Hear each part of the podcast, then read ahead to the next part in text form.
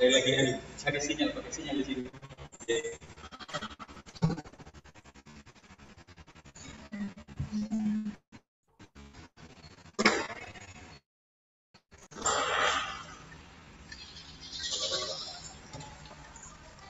Baik, Bapak Ibu, eh, mohon izin Pak Ketua, kita mulai acaranya.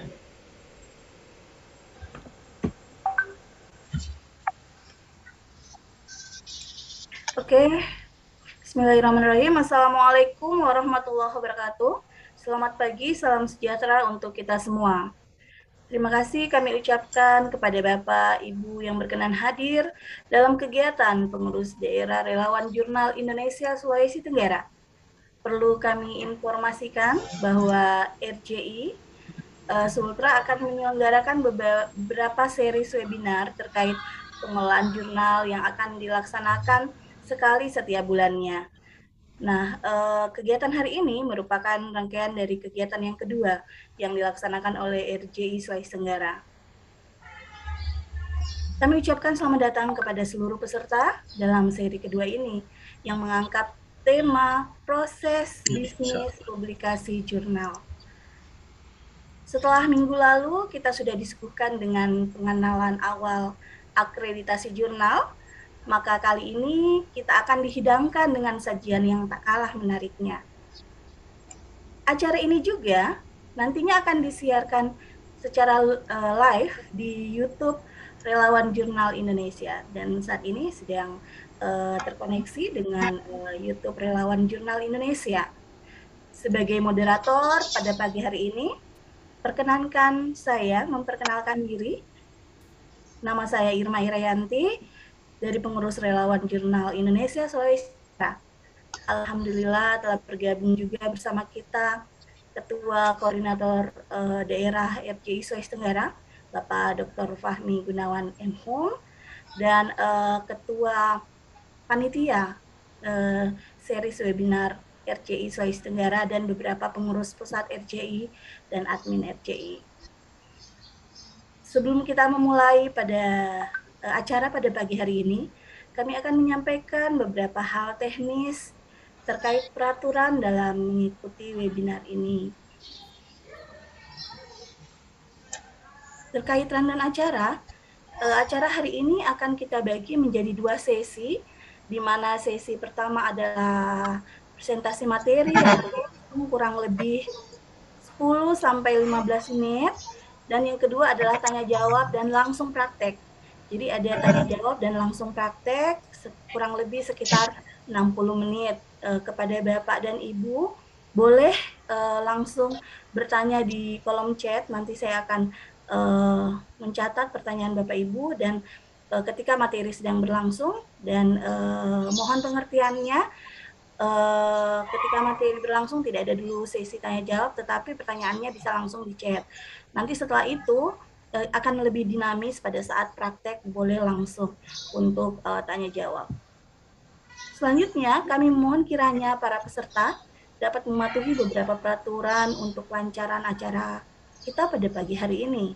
Yang pertama, diwajibkan kepada seluruh peserta untuk memute mikrofonnya selama penyampaian materi oleh narasumber yang kedua, diharapkan seluruh peserta mengikuti dan menyimak dengan baik pemaparan materi dari narasumber kita.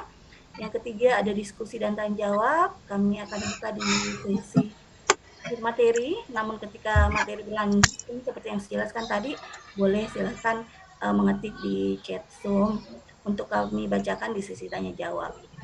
Yang keempat, uh, untuk rekaman materi dan sertifikat, kami sampaikan di akhir sesi dan kami akan kirimkan ke WA group yang Bapak Ibu sudah masuki.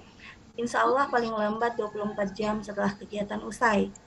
Nah, eh, kami harapkan seluruh peserta mengisi link presensi yang akan kami share di eh, menjelang akhir acara nanti. Eh, beberapa peserta mengkomplain bahwa kenapa tidak mendapatkan eh, sertifikat itu disebabkan karena Bapak Ibu tidak mengisi link presensi. Jadi kami uh, mengingatkannya di awal. Bapak Ibu peserta webinar, rekan-rekan semua, sesuai dengan tema sesi kedua ini, maka pada hari ini kita akan mengulas bagaimana sih proses bisnis bisnis publikasi jurnal. Nah, insya Allah kami akan mencoba mengulas bagaimana proses uh, sebuah artikel mulai dari naskah diterima uh, oleh sebuah jurnal dan sampai kemudian dipublikasikan. Terus pertanyaannya, oh harus ya kita mengetahui ini. Mengapa harus publikasi? Seperti itu. Eh, rekan-rekan uh, semua peserta webinar, Bapak Ibu, publikasi baik nasional maupun internasional menjadi jalan para akademisi dan peneliti untuk mengharumkan nama bangsa dan negara dan berkontribusi terhadap negeri melalui tulisannya. Selain itu, hasil uh, riset adalah uh, ilmu pengetahuan dan kebaikan yang harus disebarluaskan relawan Jurnal Indonesia kembali hadir untuk berbagi giatkan publikasi dalam rangka meningkatkan kualitas jurnal ilmiah secara berkelanjutan. Di sesi kedua ini, kami menghadirkan narasumber Bapak Dr. Ramli MPD, yang juga merupakan pengurus RJI Sulawesi Tenggara, dan saat ini juga merupakan dosen pada Fakultas Keguruan dan Ilmu Pendidikan Universitas Laki Dende Unaha. Saat ini beliau adalah editor-in-chief Jurnal Dialektika Unilaki dan juga co-editor in chief Jurnal Dialectical Literature and Educational Universitas Pancasakti Bekasi. Saya pikir tidak perlu berlama-lama, kami silahkan kepada Bapak Dr. Ramli untuk menyajikan materi ini. Silakan Pak Ramli. Baik. Uh, Terima kasih Bu Irma sebagai moderator. Uh, Pertama-tama saya ucapkan Assalamualaikum warahmatullahi wabarakatuh dan selamat pagi kepada rekan-rekan uh, pejuang uh, pengelola jurnal. Uh, saya mau mengucapkan pertama uh, kepada Ketua Ko Koordinator RJI uh, Sulawesi Tenggara Pak Pak Dr. Fahmi yang baru satu dua hari yang lalu meraih gelar doktornya. Selamat Pak untuk pertama kali. Kemudian uh, terima kasih juga kepada R perwakilan RJI Pusat atau adminnya yang sudah memfasilitasi uh, acara webinar ini sehingga bisa terlaksana sebagaimana mestinya. Terima kasih juga ke Ketua Panitia yang sudah uh, menyiapkan acara ini sampai terselenggaranya uh, hari ini. Baik, uh, kita mulai sebagaimana yang sudah disampaikan oleh uh, moderator tadi bahwa uh, penerbitan sebuah naskah di jurnal itu uh, perlu kita pahami bahwa membutuhkan waktu uh, kemudian uh, kemampuan dari segi uh, bidang ilmu yang kita miliki sesuai dengan kompetensi bidang ilmu kita masing-masing. Kemudian uh, sebuah uh, penerbit itu uh, ketika menerbitkan uh, naskah itu adalah sebuah kerja kolektif, bukan kerja uh, individu.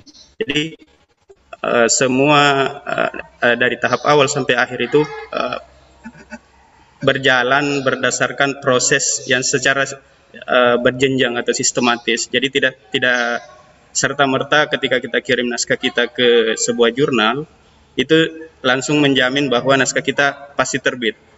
Nah, itu kalau kita memahami secara mendasar uh, apa standar minimal sebuah uh, naskah bisa diterbitkan itu kita harus uh, memahami bahwa naskah itu me me harus melewati beberapa proses.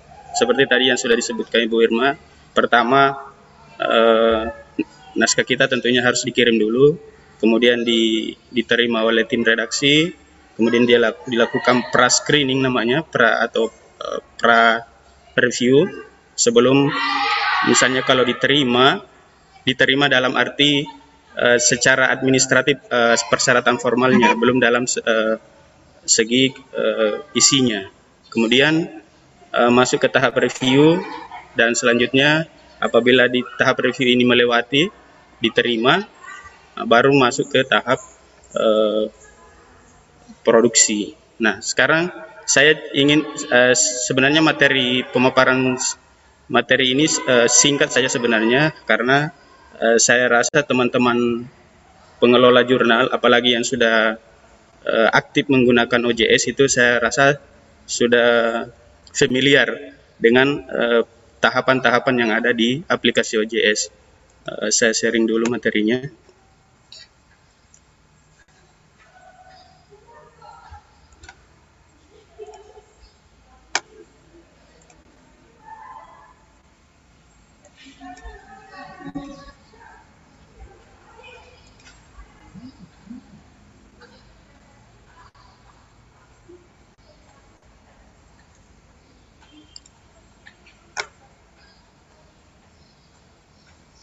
Nampak ya eh, Bapak Ibu eh, ininya presentasinya? Terlihat, Pak. Oke, baik. Eh,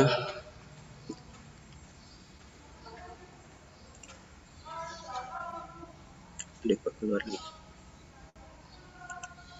Jadi misalnya seperti ini. Jadi di OJS itu secara secara umum eh, tahapan alur kerja sebuah naskah itu saya, eh, saya eh, apa eh, eh, apa eh, modifikasi apa yang ada di eh, eh, apa di aplikasi OJS itu naskahnya alur-alurnya seperti ini eh, eh, secara sederhananya biar lebih mudah. Jadi eh, ada penulis mengirim eh, mengirim naskah, kemudian masuk ke meja editor, Ah, kemudian eh, selanjutnya jurnal manaj- manajemennya itu atau jurnal manajernya eh, memeriksa apa yang sudah masuk, selanjutnya masuk ke tahap eh, review, kemudian me- memilih reviewer, reviewer melakukan eh, eh, kerja reviewnya, kemudian eh, masuk lagi ke tahap eh, sub eh, editing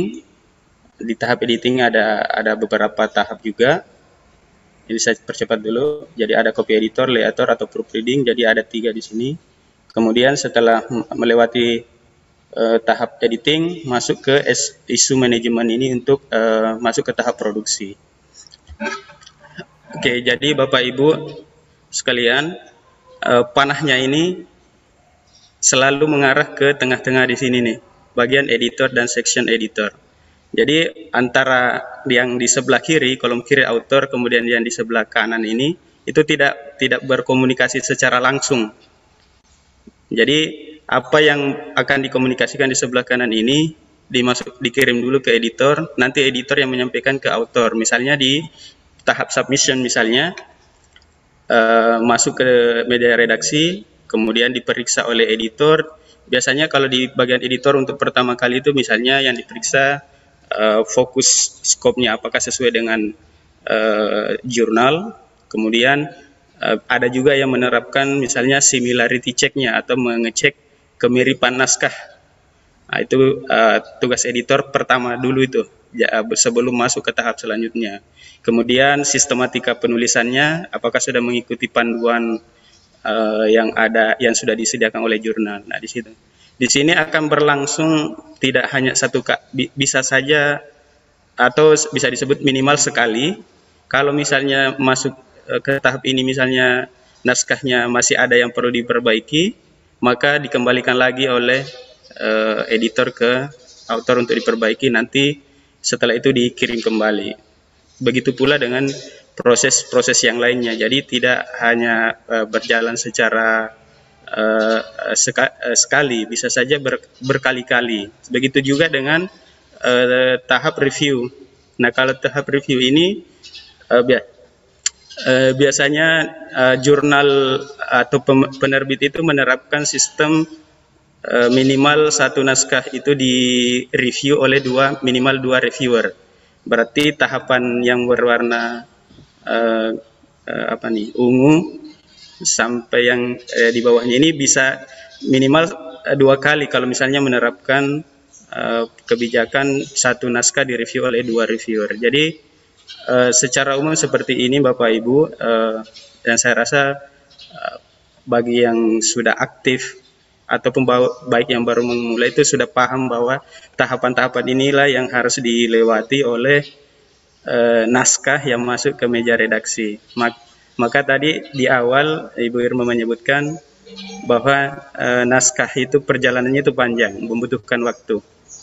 Jadi misalnya di tahap submissionnya bisa saja uh, satu sampai dua minggu bahkan bisa sampai satu bulan ketika memang naskahnya ini masih perlu diperbaiki sebelum masuk ke tahap review. Begitu pula tahap review. Nah kalau review karena dia menyangkut masalah uh, kualitas naskah maka uh, tentunya membutuhkan waktu. Karena kenapa?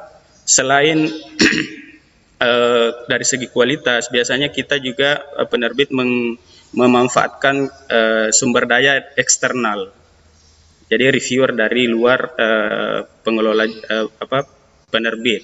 Nah ini kan kalau misalnya seperti itu kita uh, terapkan di pengelolaan jurnal kita, pasti kita me, mem, harus memahami kes, kes, ketersediaan waktu si reviewer, kemampuan uh, mereka me, apa, melakukan review. Bahkan misalnya kalau kita sudah menunjuk uh, reviewer, bisa saja mereka menolak karena alasan-alasan yang uh, mereka merasa tidak sanggup untuk melaksanakan tugasnya. Kemudian uh, ketika uh, melewat sudah melewati tahap review, maka di situ sudah ada biasanya penerbit sudah memberikan LOA atau surat bahwa naskahnya sudah diterima untuk diterbitkan, maka dia akan masuk ke tahap editing, kemudian tahap publikasi.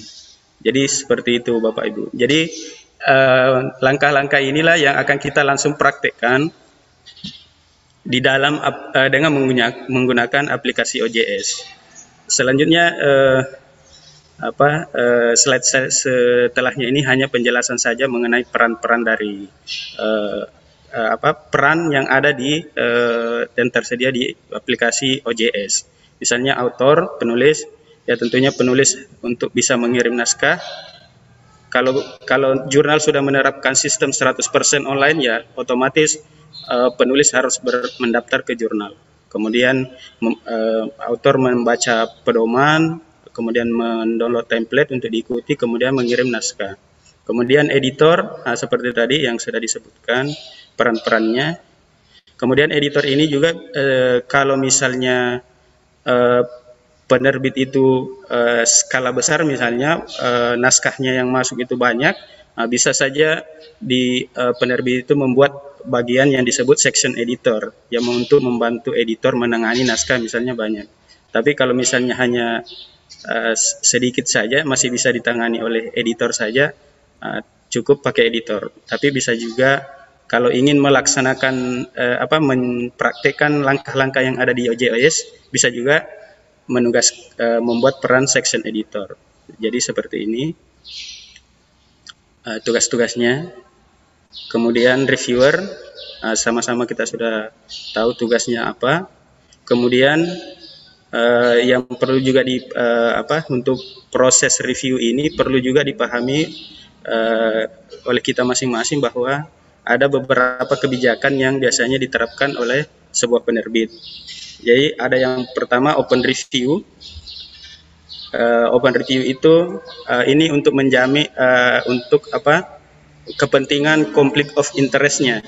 Jadi kepentingan uh, yang ada di, pa, di antara uh, pelaku yang ada di uh, OJS ini. Misalnya author kalau menggunakan uh, kebijakan open review maka uh, autor maupun re uh, reviewer itu bisa saling melihat identitas masing-masing.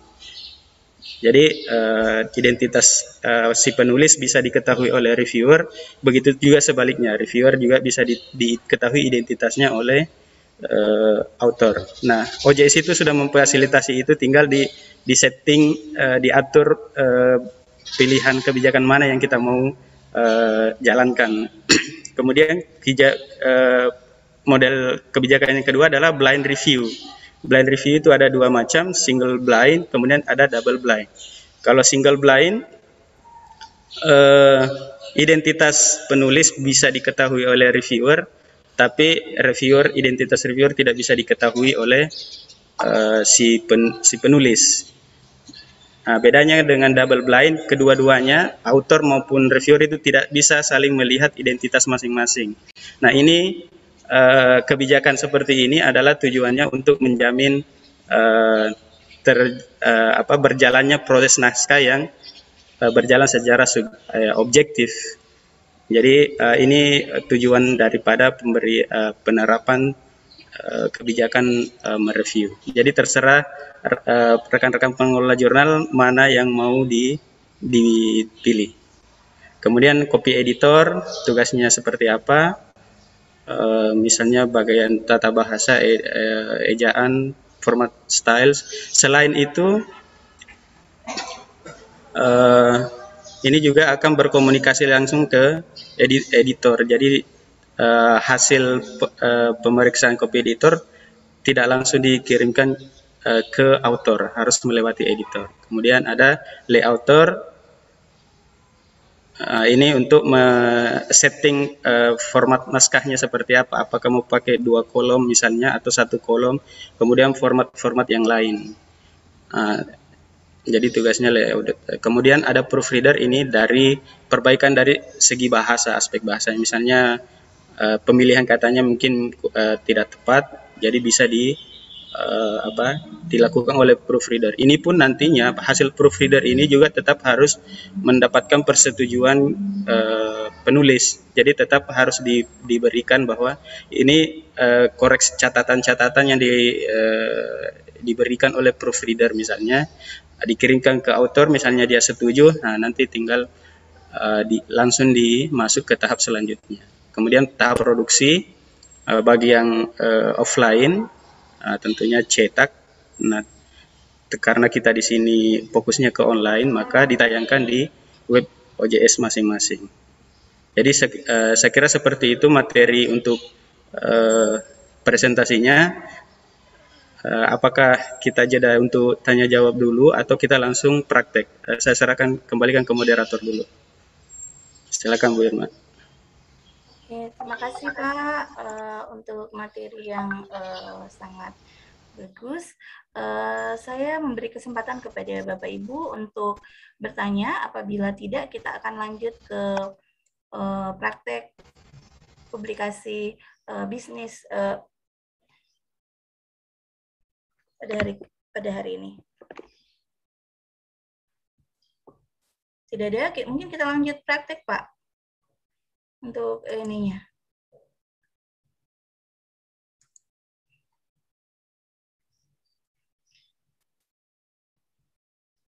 Pak Ramli, mungkin kita langsung uh, praktek ke proses bisnis publikasi jurnalnya. Silakan.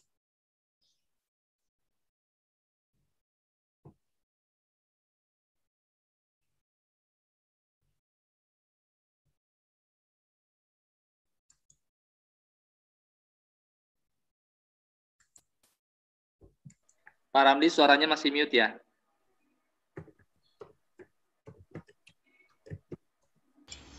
Oke, Bapak Ibu, eh, eh, sebagaimana kita ketahui bersama bahwa OJS itu kan sampai saat ini sudah eh, ada dua versi. Tapi eh, yang masih mendapatkan dukungan berkelanjutan itu adalah versi terbarunya, yaitu versi 3. Versi 2 itu sudah tidak mendapatkan dukungan eh, uh, berkelanjutan um, apabila misalnya ada masalah yang ditemukan di aplikasinya. Sehingga uh, kami dari de, bersama uh, tim apa panitia uh, webinar ini memutuskan untuk menggunakan uh, aplikasi OJS versi 3 sebagaimana Ibu lihat di tampilan uh, layar masing-masing ini uh, jadi ini saya uh, gunakan di uh, versi lokal hostnya pakai uh, apa server SAM-nya. Jadi kalau Bapak Ibu mau mempraktekkan juga melalui SAM atau mau langsung di uh, apa di web OJS-nya, tapi saya sarankan jangan menggunakan web, uh, apa web OJ uh, apa jurnal yang benar-benar real di uh, apa menerbitkan naskah, tapi dibuatkan jurnal baru khusus untuk latihan. Jadi pertama langkah uh, kita sebagaimana di slide tadi kita harus mendaftar ke, sebagai penulis. Nah, saya sudah membuat uh, apa uh, at, uh, apa peran-peran yang harus di yang ada di uh, di OJS itu pertama harus ada peran author, kemudian ada peran uh, editor, section editor. Saya masuk dulu ke ini perannya.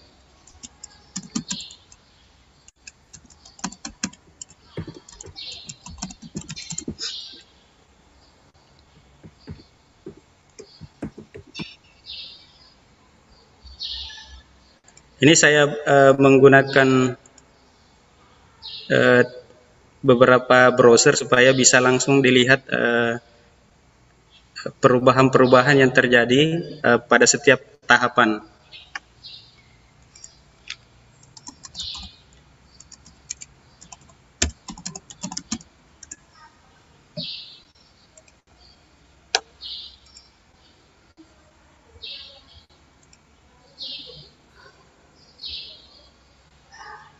Saya login dulu Bapak Ibu untuk ini. Jadi mohon maaf kalau misalnya agak lambat prosesnya karena ini uh, bergantung dari spek laptop dengan koneksinya. Jadi saya coba masuk tiga peran sekali uh, sekaligus tapi di browser berbeda. Ini bisa kita lakukan asalkan uh, apa browsernya berbeda. Jadi ada saya sudah masuk sebagai eh, dengan menggunakan perang journal manager yang di sebelah kanan ini. Kemudian di sebelah kiri ini saya masuk sebagai editor. Kemudian yang ketiga ini yang eh, di ini pakai apa ya? Eh, Mozilla saya masuk sebagai author. Nah, langkah pertama tadi jadi tahap pertama eh, kita sudah mendaftar apa perlu dipraktekkan mendaftar ini Pak proses mendaftarnya? Bisa ya Pak? Oke, okay, kalau begitu kita buat proses mendaftar dulu kalau begitu. Nah, ini ini uh, uh, apa akun yang sudah ada ini akun author. Jadi saya kita langsung praktek uh, mendaftar sebagai penulis. Jadi pada saat Bapak Ibu buka halaman utama dari saya perbesar dulu. Halaman utama web OJS itu ini kan terdapat link di pojok kanan atas. Nah untuk mendaftar sebagai author kita tinggal klik register. Kemudian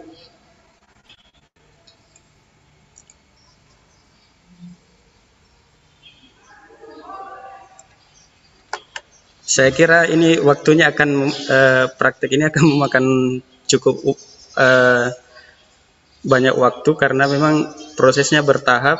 Mudah-mudahan eh, koneksi teman-teman semua eh, bagus, lancar dan eh, semoga berjalan lancar juga di sini. Saya punya, tidak ada masalah. Kemudian kita isi saja. Ini untuk praktek saja. Jadi kita isi sembarang saja. Jadi eh, eh, sebagai informasi tambahan juga perbedaan antara OJS 2 dan OJS 3 itu kalau di OJS 2 given name dengan family name itu wajib uh, apa uh, kolom wajib yang diisi untuk uh, mendaftar ke jurnal. Nah, di OJS itu sudah menggunakan uh, istilahnya itu multilingual, mendukung multibahasa. Uh, kita di Indonesia kan banyak uh, penulis, banyak uh, yang hanya menggunakan satu kata, namanya hanya satu kata, misalnya nama saya Ramli Nah, sehingga uh, eh, OJS versi 3 ini mulai yang dari yang versi pertamanya, versi 3 terbarunya itu ada, sudah bisa mendukung penulis yang hanya menggun, uh, punya satu nama. Nah, ini kenapa uh, penting uh, kita ketahui karena ini terka terkait dengan uh, sitasinya nanti uh, penulis. Kalau misalnya uh, misalnya hanya misalnya satu nas sat, kita punya nama satu kata saja Berarti kalau kolom wajib misalnya di sini yang di versi 2 berarti otomatis kita juga harus menuliskan uh, isian di sini. Biasanya uh, saya juga pernah menggunakan R, uh, versi 2 itu ditulis ulang kembali namanya. Jadi misalnya nama saya Ramli di sini maka family name-nya juga Ramli. Makanya itu nanti akan bermasalah ketika uh, ada orang yang me, ber, uh, apa meng, mengutip naskah kita di metadata di OJS-nya itu Ramli, koma Ramli, tapi di naskah aslinya di PDF-nya itu pasti cuma satu nama saja Ramli. Itu kan nanti akan bermasalah pada saat proses uh, citasinya. Nah, dengan uh, versi OJS ini masalah tersebut itu sudah teratasi karena kita bisa saja hanya menu, me, apa, mengisi kolom uh, nama awal saja. Jadi saya di sini isi saja dua-duanya untuk uh, praktek saja Uh, jadi saya ini secepat saja. Kemudian uh,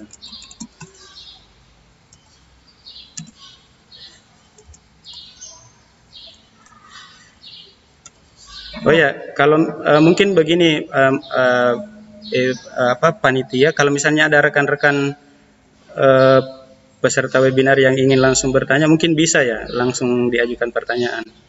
Bisa Terus Pak. sambil Ini sudah ada satu pertanyaan ya eh, dari Pak Muhajir. Apakah bisa update OJS dari versi 2 ke 3? Kalau bisa, apakah datanya tetap aman atau hilang? Oke, Wah. oke eh, sambil saya ini ya kita lihat dulu. Eh, saya sudah isi semua isiannya, kemudian di, dipilih, dicentang ya semuanya, kemudian klik register. Baik, menjawab pertanyaan Pak siapa ya, Pak Muhajir ya. Pak Muhajir. Oke, Eh, saya berbagi pengalaman Pak. Eh, versi OJS yang saya kelo, jurnal yang saya kelola itu 2015 itu itu kan masih eh, OJS 2 yang ada. Nah, saya seiring berjalannya waktu muncul versi terbaru. Saya mencoba mengupdate eh, mengupgrade ke versi terbaru itu memang pada awal-awalnya itu ada masalah. Eh, karena kan eh, secara teknisnya itu kan kita harus eh, memahami bahasa pemrograman. Jadi database-nya versi 2 itu sangat berbeda dengan database versi 3. Ah, di awal-awal itu eh, banyak rekan-rekan pengelola jurnal yang menggun- yang mau mengupgrade ke versi 3 itu ber- ber- bermasalah eh, da- dalam proses eh, upgrade-nya. Ada yang berhasil tapi data-datanya tidak tidak terkirim semua ke versi terbaru. Ada yang eh, berhasil juga tapi hanya sebagian data saja yang ada. Bahkan ada yang gagal sama sekali tidak bisa. Nah, cuman pengalaman saya, Pak, saya eh, eh, karena saya aktif juga mencari eh, solusi eh, ketika saya punya masalah di grup eh, di forum OJS itu PKP OJS itu akhirnya kit- eh, saya berhasil itu dari versi 2 sampai versi 3 itu eh, sampai versi terbaru sekarang itu saya bisa update berhasil Pak. Tapi eh, apa namanya tidak boleh apa ya istilahnya? Kita harus mencadangkan eh, aplikasi OJS 2-nya dulu yang yang masih lengkap. Jangan tiba-tiba ini apa namanya harus di backup full. Nah, kalau saya eh, sa- eh, Pak Muhajir ini misalnya mau mengupgrade ke OJS 3 saya sarankan eh, minta layanan dari RJI saya rasa karena sudah banyak rekan-rekan di RJI itu yang sudah eh, bisa menangani ini. Jadi ini memang masalah teknis eh, persoalan yang dihadapi eh, pada saat itu berbeda-beda masing-masing eh, pengelola. Ada yang mengalami ma- masalah A, di pengelola lain ada masalah B. Jadi kalau misalnya memang mau di-upgrade eh, saya sarankan berke apa? Oh kalau kalau OJS 3 ke 3.0 ke 3.1 itu bisa Pak caranya manu, secara manual ini. Atau kalau eh, di eh, pengalaman saya yang saya hosting di salah satu hosting Indonesia itu itu malah ada pemberitahuan kalau kita mengguna, menginstal menggunakan Sub, Subtitles namanya itu itu ada pemberitahuan kalau versi terbaru sudah ada itu tinggal kita klik sa- eh, saja Pak kalau eh, misalnya yang ini ya ko- eh, OJS 3 3.0 ke 3.1 itu tinggal kita klik saja. Ada tinggal ikuti perintahnya.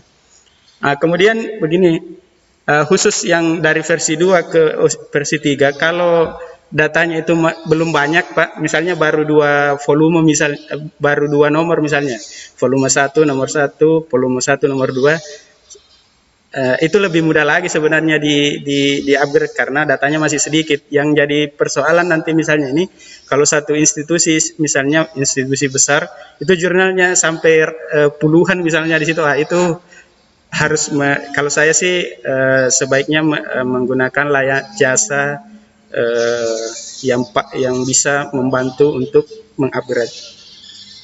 Jadi eh, jawabannya bisa di di upgrade Eh, cuma mungkin karena kita di sini materinya fokus ke uh, bisnis proses, mungkin ini uh, masukan bagi RJI Sultra untuk bagaimana misalnya nanti ada webinar lagi dengan uh, topik upgrade uh, OJS misalnya. Jadi seperti itu Pak Muhajir. Nah, baik kita lanjut. Nah, ini kan sudah uh, apa? Sudah Mas berhasil mendaftar ya penulis kedua. Selanjutnya kita uh, ini kan masih di tahap uh, submission ya. Sekarang kalau sudah mendaftar langsung kita mengirim naskah. Jadi make make submission. Uh, Jadi kita Pak, klik Pak ya. Randy, ini ada pertanyaan yang cukup menarik mumpung Ya. uh, kita belum lepas dari registration ini. Oke. Ada dari Pak Siswadi.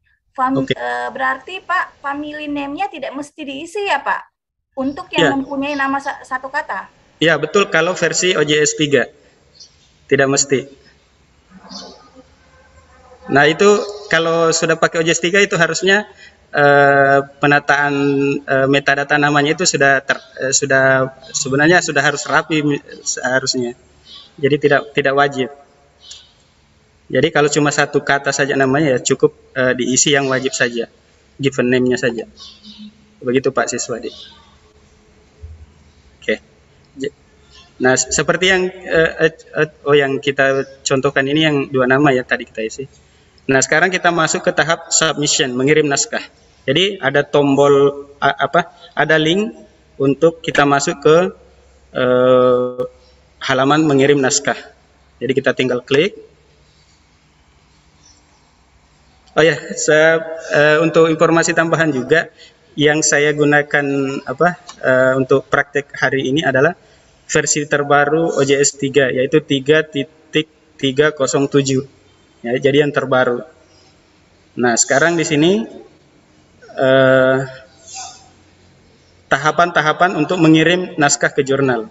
Jadi eh, tahap satu ini kita di- diberikan eh, persyaratan untuk disetujui.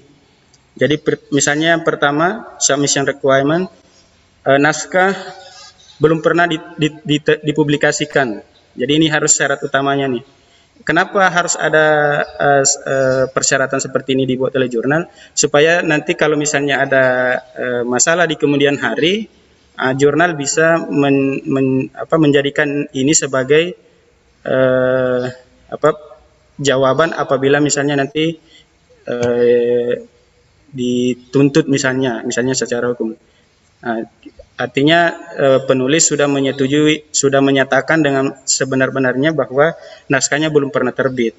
Karena kan eh, ada juga be- beberapa tahun belakangan kan satu naskah itu terbit di lebih dari satu penerbit karena mungkin satu mungkin ketidaktahuan atau mereka memang dikirim bersamaan ke dua dua jurnal Sa- salah satunya masih apa semuanya di- diterima kemudian proses eh, apa ja- jadwal terbitnya mungkin cuma berbeda sehingga nantinya akan double publication jadi ini gunanya pra- persyaratan untuk mengirim naskah. Ketika mere- eh, penulis tidak mengklik ini semua, menyetujui, maka dia tidak bisa lanjut untuk mengirim naskah.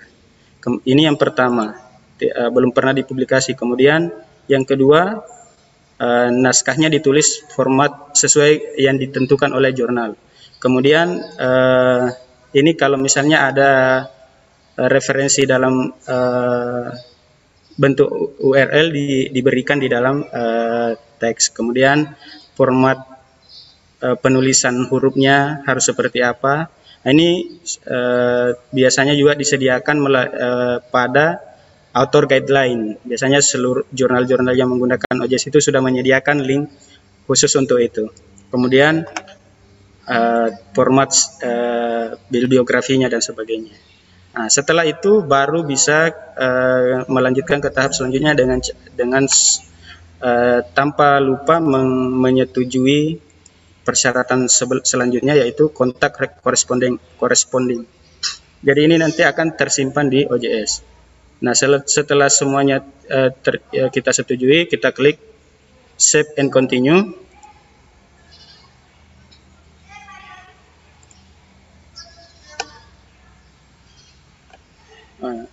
ini banyak yang bertanya masalah eh, apa ya migrasi dari OJS 2 ke OJS 3. Sepertinya memang RJI Sultra kalau memang bisa memfasilitasi pertanyaan yang eh, masalah upgrade itu nanti eh, dirembukkan oleh panitia ya, Pak. Ya betul. Ya. Oke. Nah kemudian kita masuk ke tahap kedua, kita upload naskahnya ya. Ah di sini eh, terkait lagi tadi masalah eh, model kebijakan yang dipilih oleh jurnal. Misalnya memilih open review, maka naskah itu bisa diupload lengkap. Misalnya eh, identitas penulisnya itu eh, semuanya tercantum di naskahnya. Jadi di bagian kepala halaman satu itu semuanya ada lengkap di situ. Kalau menggunakan eh, model review open open review, jadi identitas penulisnya tidak masalah diketahui oleh eh, reviewer.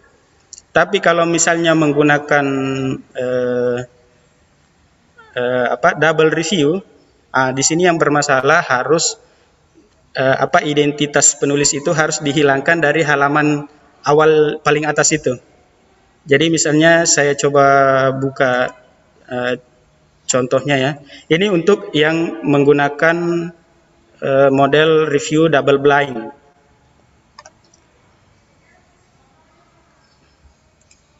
Oke, eh, saya coba ini dulu, buka dulu filenya.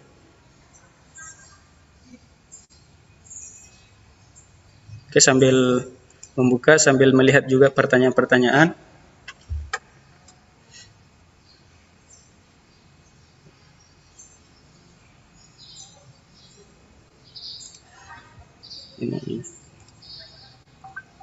Insya Allah nanti kalau OJS, OJS 2 ke OJS 3 Pak Ramli, Ya. kita akan dengarkan eh, closing statement dari eh, Pak ini Pak Ambo dan Pak Fahmi selaku Ketua Ah, ya. RT Sultra. Betul Bu, betul Bu. Iya Pak, ini beliau Iya. yang ini, mengarahkan. Oke, oke. eh, ini agak ini ya, agak lambat juga saya punya ini nih aplikasi. Ah, jadi ah, seperti ini. Jadi kalau untuk yang menggunakan open open review, ya semuanya tinggal kirim langsung saja, tanpa harus yang bermasalahkan di sini kalau kita menggunakan eh, kita menggunakan kebijakan review itu double blind. Nah, kalau menggunakan double blind, maka identitas ini harus harus dihilangkan di naskah. Tidak boleh ada. Jadi misalnya kita menggunakan double blind, maka eh, teksnya ini di, di ini dihilangkan. Jadi yang dikirim adalah seperti ini. Cuma ada judul, abstrak, kemudian isinya ke bawah itu eh, semuanya lengkap. Jadi eh, itu yang eh, ingin saya sampaikan sedikit. Nah, sekarang kita coba praktekkan eh, yang eh, apa namanya da- eh, single single blind saja. Jadi ini tidak masalah di di apa di ditampilkan di full teksnya. Oke. Sekarang kita upload. Oke. Oke, tinggal eh, cari. Ini saya sudah sediakan ya beberapa teks hanya untuk latihan. Misalnya ini. Nah, tunggu sampai selesai. Prosesnya nanti akan muncul centang eh, hijau.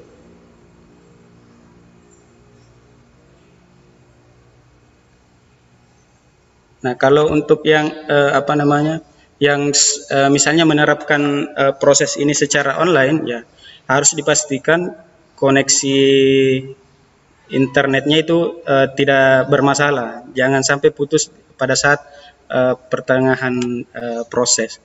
Nah, di sini eh, versi OJS 3 terba terbaru, ini modelnya seperti ini. Kalau yang eh, eh, 3.2 itu uh, sedikit berbeda berbeda tampilannya jadi tidak seperti ini kalau di titik 3.2 itu uh, pada tahap 2 ini itu kita upload file terus kita memilih jenis filenya apa baru kita upload naskahnya kalau di sini diupload dulu naskahnya baru kita pilih jenis teksnya apa misalnya uh, ini uh, jenis jenisnya adalah full full teksnya ya artikelnya atau uh, misalnya yang lain uh, di sini Misalnya lampiran misalnya bisa dipilih yang lain. Nah, sekarang kita pilih saja yang artikel teksnya. Kita tunggu.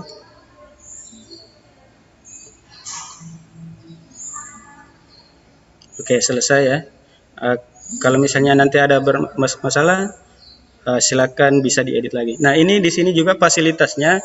Uh, kalau misalnya kita menggunakan uh, double blind ya, dan ini kan kita prakteknya yang single blind. Nah, kalau yang pakai double blind, ini teksnya tadi full teksnya tanpa identitas penulis ya. Nah, di sini kita bisa tambahkan file baru yang khusus e, berisi identitas penulis. Nah, di sini bisa ditambahkan di sini. Kalau menggunakan double blind, tapi kalau single blind uh, cukup di sini saja. Kecuali memang uh, jurnal biasa, jurnal-jurnal tertentu misalnya mempersyaratkan file-file pendukung lainnya ya di sini prosesnya di, dimasukkan, ditambahkan. Nah, tahap dua selesai, kita lanjut, simpan dan lanjut.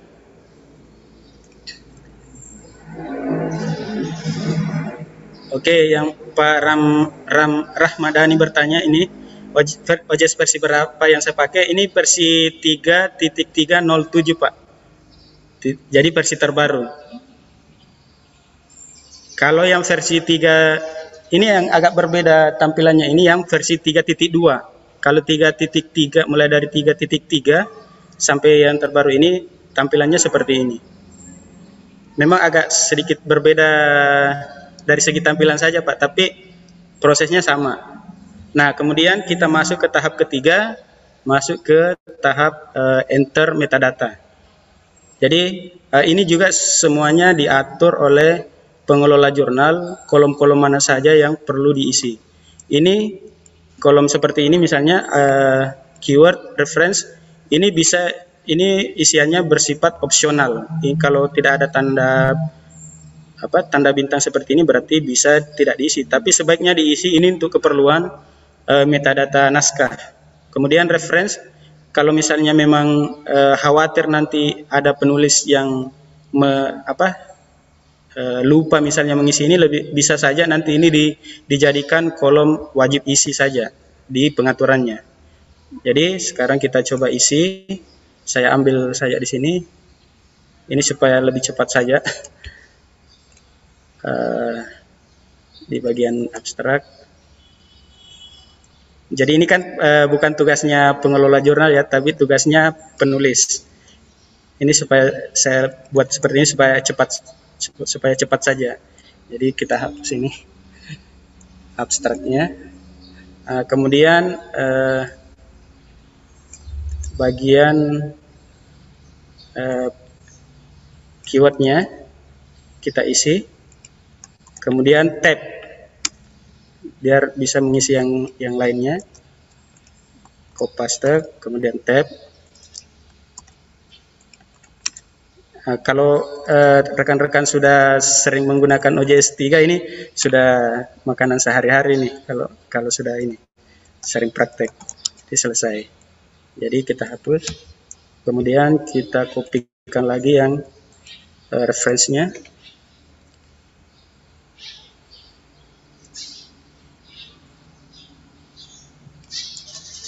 Oke. Di copy. Nah, Bapak Ibu untuk bagian referensi ini jangan lupa di dipisahkan satu e, baris dengan referensi yang lainnya supaya dia bisa di apa dikenali oleh e, misalnya kalau ada yang mengutip. Ini kan e, kita ceritanya kan kita yang mengutip punya orang nih. Jadi harus di ini dipisah-pisahkan supaya jelas sampai di mana batasnya. Jangan sampai misalnya ada bisa saja misalnya di sini misalnya berbeda baris tapi yang membuatnya dia turun ini karena bar, uh, di sini misalnya ada spasi banyak. Jadi bisa saja ini uh, terhitung satu bagian. Jadi kita pastikan dia terpisah antara satu referensi dengan satu baris. Nah, kemudian selesai, kita pastikan dulu isiannya sudah benar. Kemudian kita klik save and continue.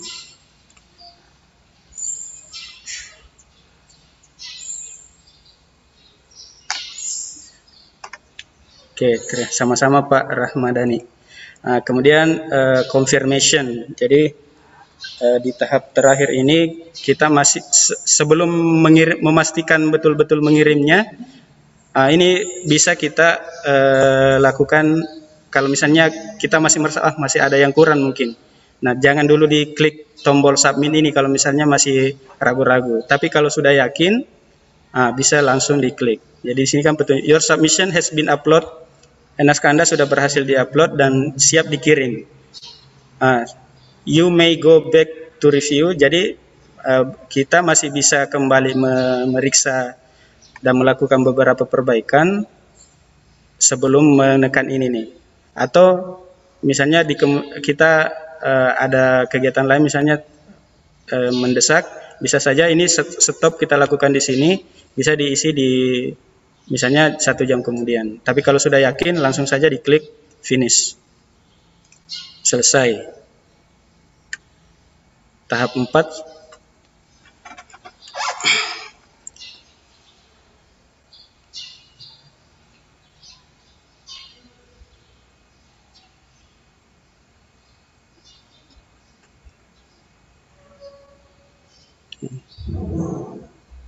Oke, sudah selesai, sudah masuk ke tahap uh, eh, 5. Nah, di sini sudah selesai. Tugas uh, seorang penulis dalam mengirimkan naskahnya itu sudah selesai pada tahap ini. Selanjutnya, uh, yang akan bekerja untuk menangani naskah yang masuk adalah uh, tim redaksi. Nah, sekarang saya coba buka halaman editor. Nah, di sini kan uh, belum ada ya MyQ saat masih kosong ya karena ini ini kan uh, halaman yang tampil sebelum kita lakukan pengiriman naskah. Nah, saya, saya coba reload apakah terjadi perubahan.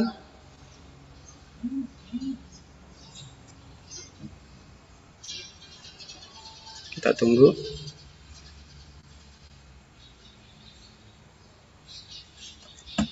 Nah, di sini sudah terlihat MyQ langsung otomatis ada angka satu karena sudah me, uh, apa halaman yang tampil ini sudah halaman uh, uh, terbarunya. Nah di sini sudah lihat kita lihat di sini.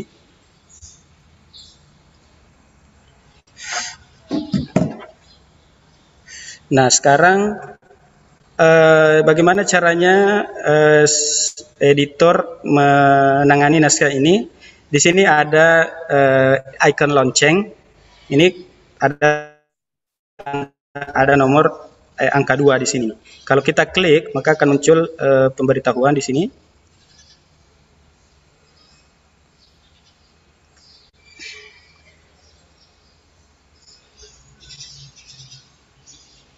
Nah, di sini yang terbaru, yang terbaru mana nih? Oh, belum ada nih. Oh ya, ini jadi eh, pemberitahuan tentang naskah yang masuk ini karena kita sebagai editor ini belum ada eh, kita belum ditugaskan untuk menangani naskah ini. Nah sekarang eh, bisa kita jurnal manager saya masuk sebagai jurnal manager dulu di bagian naskah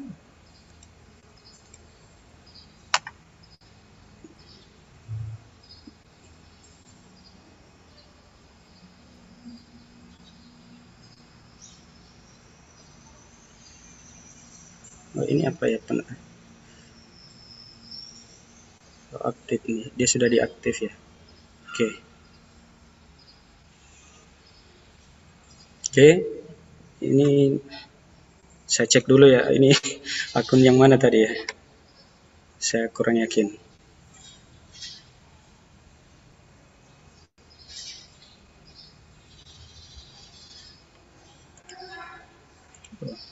Maaf Bapak Ibu saya charge laptop dulu.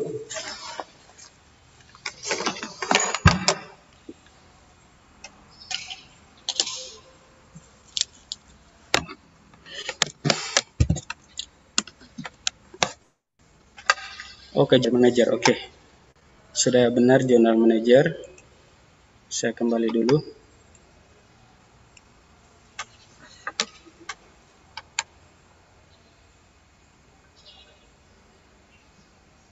Oke, kita ke all active ya. Jadi kalau jurnal manager dia kan eh, tugasnya dia me, me, mengordinir eh, apa naskah yang masuk. Nah, di sini kita coba buk, lihat naskahnya dengan cara klik view.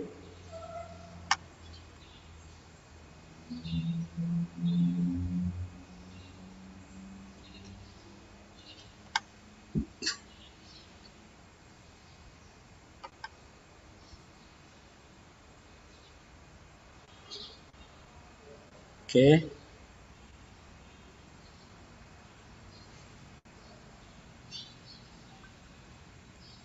Jadi uh, untuk me, apa ya meng, supaya waktunya ini tidak terlalu banyak uh, kita gunakan karena kalau kita mau menjalankan seluruh prosesnya itu benar-benar 100% ini tidak cukup uh, satu jam dua jam ini waktunya kalau kita mau terapkan itu.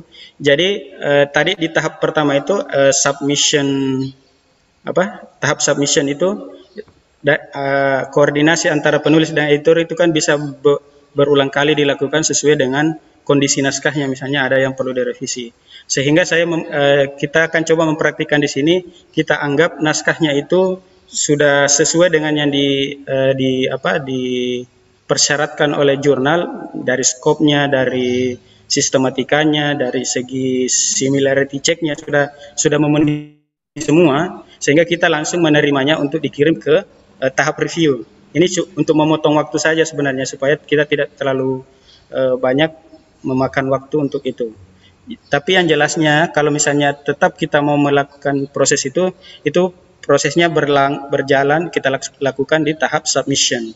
Jadi di sini kalau misalnya ada uh, apa editor misalnya memeriksa naskahnya itu ada kekurangannya, di sini ditambahkan diskus, discussionnya, diskusinya.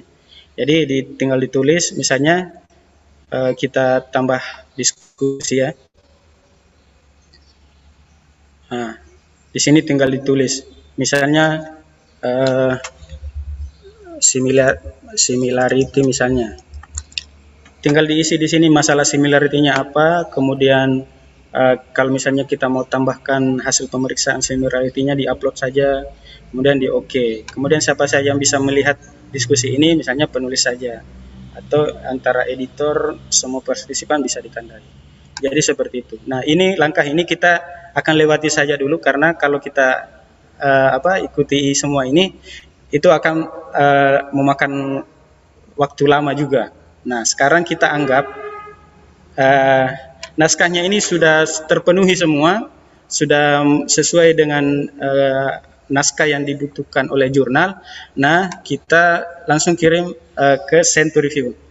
Tapi sebelumnya saya mau uh, sampaikan ke Bapak Ibu, karena di sini otomatis editor, ini kan sudah ada akun dengan peran editor, itu sistem otomatis memilih uh, editor itu secara otomatis tanpa ditugaskan secara manual oleh jurnal manager. Nah, kita coba uh, hapus dulu di sini untuk kita melihat bagaimana proses penugasan edit uh, jurnal manager ke editor. Jadi kita hapus dulu ini untuk melihat saja cara penugasannya. Nah, naskahnya di sini seperti ini, misalnya ini akan nampak seperti ini. Kalau misalnya sudah banyak naskah yang masuk itu otomatis uh, naskah itu tidak akan bisa secara otomatis ditugaskan ke satu editor saja, mesti ditugaskan ke editor lain. Nah, pertama-tama ini masih tahap submission ya, jurnal manager menugaskan uh, seorang editor. Jadi kita klik assign, nanti akan muncul uh, halaman apa pop up, kita uh, kemudian kita pilih uh, isinya tentang editorial assignment. Oke. Okay. Nah, pesan ini otomatis diambil dari aplikasi OJS-nya. Jadi tidak perlu kita ini uh, tambah uh, apa buat sendiri. Tapi kalau misalnya ada mau ditambahkan di sini silahkan ditambahkan di bagian isinya ya. Khusus yang di sini jangan di di, di otak-atik di sini tidak tidak perlu di otak-atik yang bisa ditambahkan di bagian ini. Tapi kalau misalnya uh, dengan teks ini ini sudah cukup. Kemudian editor. Nah di sini tinggal kita pilih ya peran apa yang kita mau uh, cari, tinggal kita uh, uh, pilih. Nah, di sini karena baru satu yang saya buatkan editor, maka cuma satu per- eh, apa akun yang tampil di sini. Kalau nantinya misalnya sudah eh, betul-betul dipraktekkan di lapangan ada beberapa editor, maka semuanya akan tampil di eh, halaman ini. Tinggal dipilih. Yang lupa dipilih. Kemudian klik OK kalau sudah eh, sesuai. Kemudian klik OK, tinggal tunggu.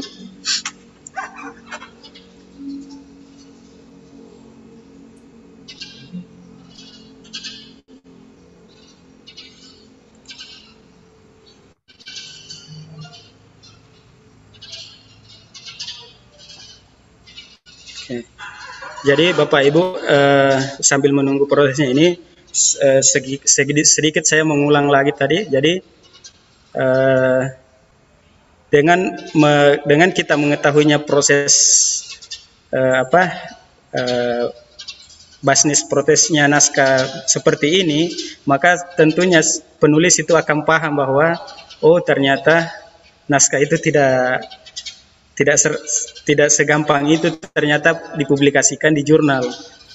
Kalau dia sudah lihat prosesnya seperti ini, maka mereka pasti akan paham bahwa ah ternyata saya harus bersabar menunggu waktu eh, naskah saya diproses. Belum lagi kalau misalnya naskah yang masuk ke jurnal itu banyak, misalnya ada puluhan misalnya. Kemudian kita berada di urutan terakhir. Nah tidak mungkin editor eh, langsung loncat ke urutan terakhir dia ambil. Pasti dia dahulukan siapa yang mengirim pertama. Nah, hal-hal seperti inilah yang harus di eh, apa diedukasikan ke te- teman-teman penulis yang masih belum eh, apa eh, sampai me- mengetahui bahwa proses penerbitan naskah itu seperti ini. Jadi sekarang eh, sudah kita tugaskan editor. Jadi di sini sudah muncul karena ini akunnya adalah jurnal manager, itu bisa mengakses eh, akun dengan peran-peran yang lain. Saya coba praktekkan supaya cepat saja ya. Jadi saya langsung login sebagai editor di menu di sini nih. Jadi ada tombol login as. Saya login saja untuk melihat eh, penugasan saya, penugasan di halaman editor. Jadi tinggal diklik OK.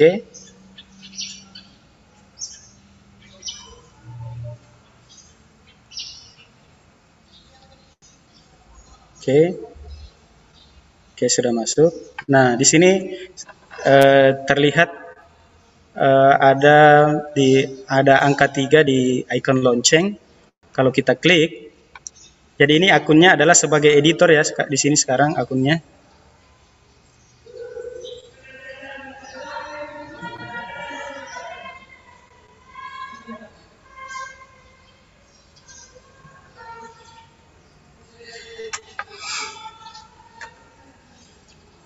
Nah, nah di sini ada tertulis paling paling terbaru nih. Jadi yang paling terbaru itu yang berada di bagian bawah. You have been assigned as an editor to the submission. Jadi kalau kita mengakses halaman editor dan kita diberi penugasan oleh eh, tim redaksi misalnya, maka pasti secara otomatis sistem sistem OJS akan mengirimkan pemberitahuan di halaman dashboard kita di sini. Jadi eh, dengan mengklik ini eh, judul ini bisa kita langsung masuk ke bagian penugasan halaman penugasannya. Apakah kita akan eh, apa melanjutkan atau tidak? Jadi tinggal diklik di sini. You have been assigned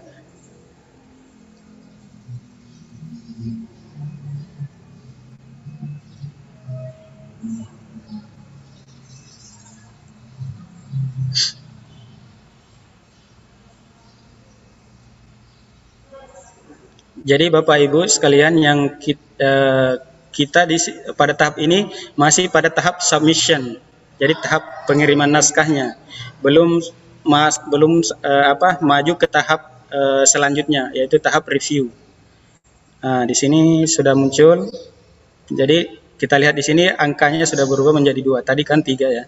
Jadi sudah eh, berubah menjadi dua. Nah, sekarang di sini nih.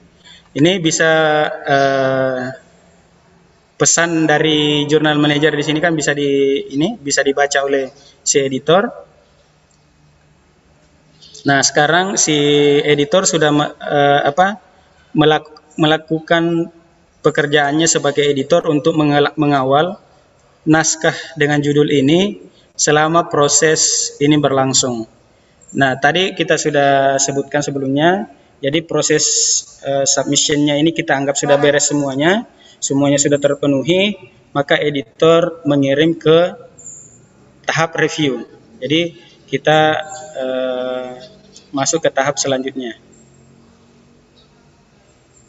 Oke, ini ada kalau Bapak Ibu lihat ada tiga tombol di sini berbeda warna. Pertama send to review kalau kita mau masuk ke review. Yang di bawah ini accept and skip review ini dia akan loncati tahap review. Dia langsung masuk ke tahap copy editing. Kalau decline berarti naskahnya ditolak. Nah, kita pilih yang paling atas dulu.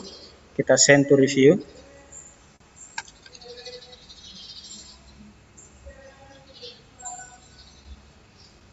Nah, jangan lupa diklik filenya Nah, karena tadi kita menggunakan sistem single blind, jadi seluruh uh, apa uh, naskah yang diupload oleh penulis itu hanya satu, maka hanya satu tam, satu file yang tampil di sini. Tapi kalau menggunakan double blind, nah tentunya tadi uh, hala, uh, file berisi identitas penulis juga akan tampil di sini. Makanya uh, per, uh, perlu kita tandai di sini dia tidak otomatis memilih sistem tidak otomatis memilih naskahnya. Jadi kita yang harus menandainya di sini. Kemudian kita sudah yakin naskahnya yang benar, kemudian kita uh, klik send to review.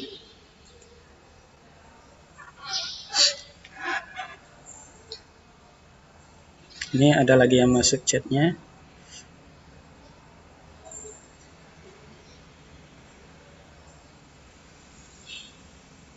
Oh, oke. Okay. Eh, pertanyaan dari Ibu Evita Nur Apriliani, Apriliana. Uh, naskah saya sudah apa nih? Naskah saya sudah diterima oleh jurnal dan sudah terbit di OJS, namun ma masih berupa abstrak dan di sana tertulis impress. Biasanya butuh berapa lama sampai naskah full paper bisa terbit? Oke, okay. untuk Ibu Evita, uh, untuk uh, kebijakan penerbitan naskahnya itu biasanya itu it, naskah eh, apa penerbit itu untuk menerbitkan sebuah volume itu itu ada jadwal terbitnya. Jadi untuk mengetahui kapan terbitnya itu ibu bisa cek di bagian about jurnalnya. Di situ pasti ada informasi uh, jadwal terbit per nomor uh, terbitan. Misalnya kalau kalau uh, jurnal yang saya kelola dan beberapa ya, teman yang uh, pernah saya uh, dampingi itu misalnya dia terbit du selama dua kali satu, satu tahun bulan Ju bulan Juni dengan Desember. Nah, berarti kalau misalnya ini contohnya ya, misalnya jurnal seperti itu Uh, sekarang jurnal uh, apa naskah ibu sudah terbit di OJS-nya tapi hanya abstraknya berarti ini uh, menunggu jadwal terbit uh, se secara keseluruhan satu satu nomor. Ini bisa dilihat karena di sini masih ter tertulis impress berarti secara keseluruhan uh, belum sampai jadwal uh, terbit per nomornya uh, pada terbitan itu. Jadi Ibu untuk mengetahui uh, kapan tanggal pastinya full full papernya muncul, nah itu lihat jadwal terbitnya. Biasanya kalau uh, di jurnal-jurnal Indonesia misalnya, dia biasa mengambil uh, apa uh, frekuensi terbitannya itu sebanyak enam bulanan, jadi dua kali terbit dalam setahun. Nah, ibu tinggal lihat di situ silahkan lihat di bagian about the journal atau bisa juga langsung kontak eh, apa kontak eh, naras naras apa narah hubung jurnalnya untuk mengetahui jadwal eh, fixnya kapan terbitnya jadi seperti itu jadi eh, ibu pasti menunggu artikel-artikel lain yang eh, dalam uh, posisi antri menjalani proses uh, bisnis. Nanti ketika semuanya sudah sampai pada jadwal terbitnya, uh, secara keseluruhan naskah full papernya itu akan tampil di OJS. Saya kira demikian Ibu Evita ya. Nanti kalau misalnya teman-teman RJI Sultra atau perwakilan dari pusat ini mau menambahkan, uh, saya kira banyak dari teman-teman di sini yang ini paham. Oke, sekarang sudah selesai.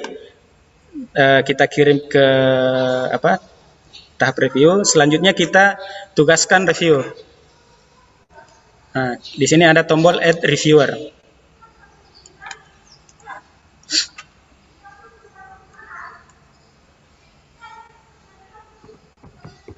Oke. Nah, di sini uh, di untuk latihan ini saya juga baru menambahkan satu reviewer. Jadi kita cukup langsung pilih saja reviewernya, select reviewer. Nah, di sini juga uh, isi pesannya ini otomatis dari sistem yang ambil yang apa yang isi. Kemudian uh, saya tidak perlu ini ya uh, apa kirim email karena ini hanya berupa latihan.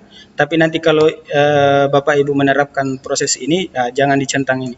Kemudian yang kedua important dates respond due date. Nah ini ada dua uh, due date di sini. Pertama response ini adalah uh, batas waktu yang kita berikan uh, kepada CV reviewer yang kita min mau minta bantuannya untuk mereview. Kita kira-kira berapa lama kita beri dia waktu untuk merespon, memberi respon kepada kita apakah dia menerima atau menolak naskah yang kita mau tugaskan. Nah, terserah Bapak Ibu eh, kira-kira uh, berapa lama, misalnya satu minggu, dua minggu, tiga minggu, apa ataukah satu bulan, silahkan di, di sini diisi. Sesuaikan. Jadi terhitung mulai tanggal sekarang sampai berapa hari ke depan uh, kita berikan kebijakan untuk memberi jawaban. Nah, ketika uh, selanjutnya yang due date yang ter, selanjutnya adalah reviewnya, proses review. Nah, berapa lama kita beri waktu uh, reviewer untuk melakukan proses review itu? Nah, saya kira di sini kita uh, perlu memberikan waktu yang cukup bagi reviewer untuk melaksanakan uh, reviewnya. Jadi ketika misalnya hari ini dia uh, kita hari ini kita kirim penugasan, kemudian hari ini juga dia beri jawaban menerima misalnya, maka uh, terhitung tanggal hari ini sampai tanggal berapa ke depan, misalnya kita beri waktu lima minggu misalnya enam minggu, uh, tentukan di sini sampai tanggal berapa reviewer boleh diberi waktu untuk mengirim hasil reviewnya. Ketika sudah lewat jadwal itu, maka si reviewer tidak bisa lagi melakukan proses review. Pasti eh, tombol-tombol uh, untuk yang aktif di situ otomatis inaktif, tidak bisa diklik. Nah, sekarang uh, tentukan di sini, silakan ditentukan. Kemudian kita pilih uh, file yang akan kita kirim ke reviewer. Nah, di sini kan tadi kita sudah pilih ya uh, model reviewnya. Jadi kita jangan lupa centang. Nah, di sini ini tadi yang uh, kita jelaskan tadi mengenai uh, review uh, policy, kebijakan reviewnya. Nah, untuk versi 3.2 itu istilah yang digunakan itu uh, single blind. Eh, ini yang paling atas ini double blind. Kemudian yang tengah-tengah ini single blind dan ini open. Nah, versi 3.3 ini uh, dia ganti istilahnya dengan uh, anonymous reviewer, anonymous author. Jadi dia tidak pakai lagi istilah uh, double blind dan single blind. Ini hanya perbedaan istilah saja tapi substansinya substansinya tetap sama. Kemudian uh, yang perlu dipilih selanjutnya adalah ini saya pindahkan dulu nih.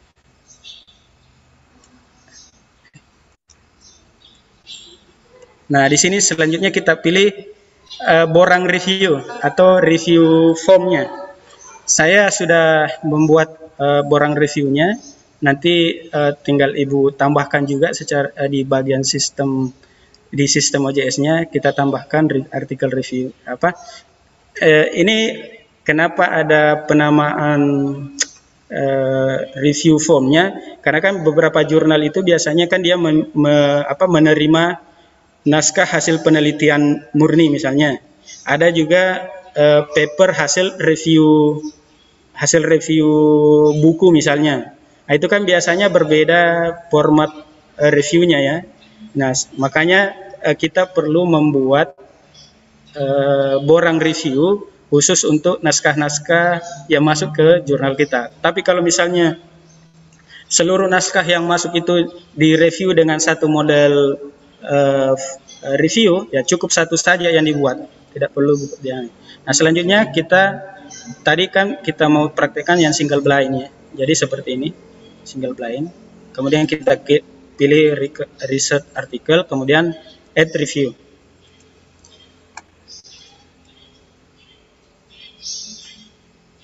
Ini apa nih pertanyaannya? Lama dan tidak minta bakat kamu pengaruh pada satu.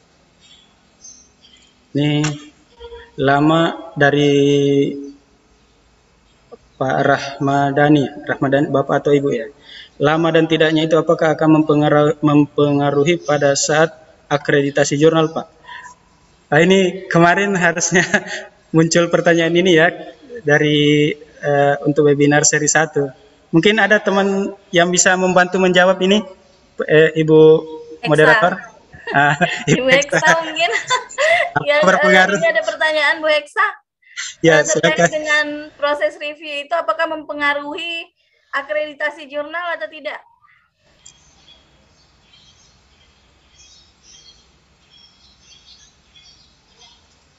Bu Heksa? Halo Bu Heksa? Sepertinya beliau lagi ini Eh, lagi ndak fokus Bu Heksa? Iya. Bu Heksa? bisa atau gimana? Atau teman-teman yang lain mungkin kan sering berbagi.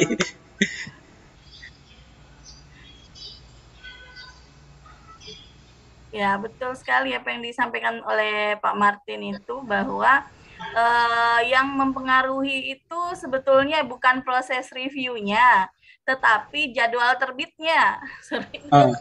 Iya, jadwal terbitnya. Jadi kalau seumpama dia diproses kemudian eh, artikel itu kan belum belum terbit ya. Jadi proses reviewnya itu Ah. tidak mempengaruhi. Yang mempengaruhi adalah eh, jadwal terbit dari jurnal itu. konsisten ya. Bisa Ditambahkan Bu Heksa? Iya. Harus konsisten jadwal Iya. terbitnya. Betul, Betul. harus konsisten. Konsisten. Apa Oke. jad- terbit sesuai ini, sesuai dengan jadwalnya. Ya, betul. Makanya mengapa tadi itu ada pertanyaan bahwa eh, dia abstraknya duluan, tapi eh, belum Hmm, ada betul. artikelnya. Nah, ini juga salah satu trik dari pengelola jurnal yang eh, supaya tidak tidak eh, lewat dari waktu terbit. Jadi dia eh, belum selesai proses di dalam, tetapi dia munculkan abstraknya dulu supaya tidak lewat dari eh, waktu Jadwal terbitnya. Oke, Iya. betul betul. Oke. Selanjutnya, ah, itu saya lihat. ah, Pak ini dari Universitas NU Blitar. Se- untuk pemula, bagaimana cara membuat jurnal yang benar dan cara benar? Ah, silakan konsultasi ke RJI. ini untuk eh, ini kayaknya untuk membangun awal ya. Nanti bisa kontak ke eh, RJI Sultra atau di mana Blitar di Jawa Timur ya? Ah, Mungkin bisa kontak ke RJI Jawa Timur. Oke, Nanti- kita lanjut ya. Iya, Iya. nanti di-share eh, kontak personnya. Ya.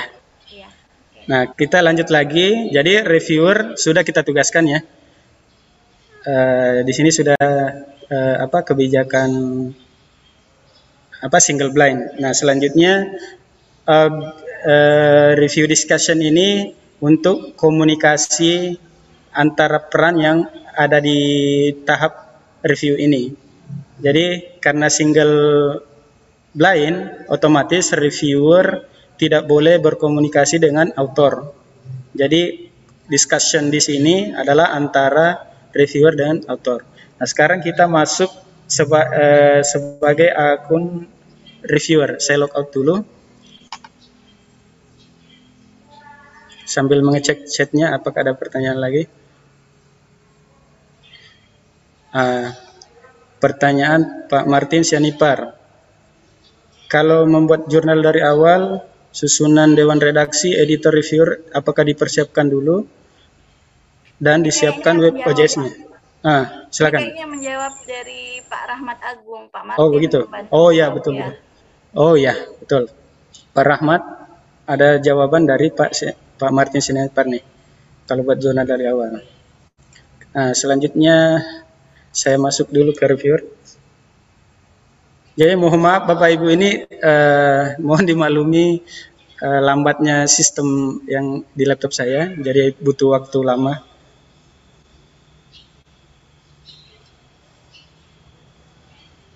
Jadi saya eh, langsung masuk saja ke akun reviewer melalui ini akun jurnal manager biar tidak eh, pindah-pindah halaman lagi. Jadi saya login sebagai reviewer. Jadi eh, ceritanya di sini saya eh, kita sudah berada pada tahap menunggu respon dari eh, reviewer. Apakah dia menerima penugasan itu atau dia menolak. Nah, kita eh, putuskan saja misalnya reviewer menerima eh, naskah yang ditugaskannya. Nah, di sini sudah ada masuk. Jadi ini sudah akun reviewer yang kita beri tugas tadi untuk me- merespon eh, penugas tadi. Kita bisa langsung klik view atau bisa juga lewat eh, notifikasi di akun eh, apa di icon ini nih. Nah, di, di sini sudah ada. Kita bisa klik di sini atau bisa langsung di sini view. Nah, di sini di- sudah disebut waiting for response from reviewer. Nah, di sini pada tahap eh, merespon. Ini apalagi nih? Selamat. Jika jurnal oh ini nih dari relawan jurnal nih. Terima kasih tim JIP. Terima kasih Mas. Ini lebih komprehensif lagi. Ya, lebih komprehensif. Nah, nah Bapak Ibu, kita bisa lihat di sini uh, request for review. Jadi ini Anda diminta untuk mereview naskah berikut ini. Artikel, judul, abstrak, kemudian uh, model reviewnya anonymous reviewer, kemudian disclose author. Nah, langkah pertama adalah eh, memeriksa. Jadi sebagai seorang reviewer, sekarang kita posisinya sebagai seorang reviewer, kita melihat di sini yang apa respon date-nya, kemudian review due date-nya. Kalau misalnya reviewer sudah yakin bisa eh, apa memenuhi permintaan itu dan melaksanakan tugasnya, nah, tinggal diklik yes, kemudian save eh, review. Namun bisa juga eh, si reviewer melihat langsung dulu naskahnya, apakah naskahnya itu sesuai dengan bidang kepakarannya atau tidak. Jadi kita anggap di sini semuanya terpenuhi, misalnya waktunya ada, eh, bidang ilmunya sesuai, dan eh, dia sanggup melaksanakan reviewnya. Kemudian kita langsung centang yes untuk menyetujuinya. Ini untuk eh, perekaman data di web OJS. Ini agak ini. Nah, kemudian kita klik accept review, continue to step 2. Jadi langsung ke tahap 2 guidelines.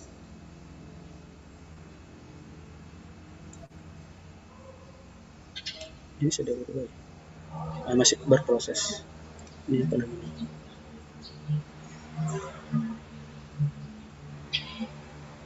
Oke. Eh, selanjutnya di guideline. Nah, di guideline ini ini saya cuma isi seperti ini ya eh, untuk eh, apa? melihat eh, apa yang harus diisi di sini. Jadi di untuk menampilkan eh, eh, apa petunjuk bagi apa reviewer untuk melakukan eh, telaahnya itu proses telaahnya itu kita cantumkan semua di sini secara detail supaya reviewer tidak bingung bagaimana prosesnya. Nah, bisa saja kan eh, reviewer yang kita tugaskan belum mengenal sistem OJS sehingga dia perlu dipandu. Nah, di sini semua eh, kita sertakan eh, petunjuk-petunjuknya. Bahkan kalau perlu kalau menurut saya bisa saja kita ta- sertakan link video tutorial misalnya prosedur melakukan apa review. Jadi semuanya diisi di sini. Ini untuk bisa tampil petunjuk-petunjuk di sini di eh, harus diisi di bagian eh, penya- pe- apa pengaturan reviewnya. Nanti kita akan coba buka sekilas cara mengisinya. Di sini misalnya eh, kita anggap reviewer sudah paham prosedur eh, mereview, maka dia lanjut ke tahap 3.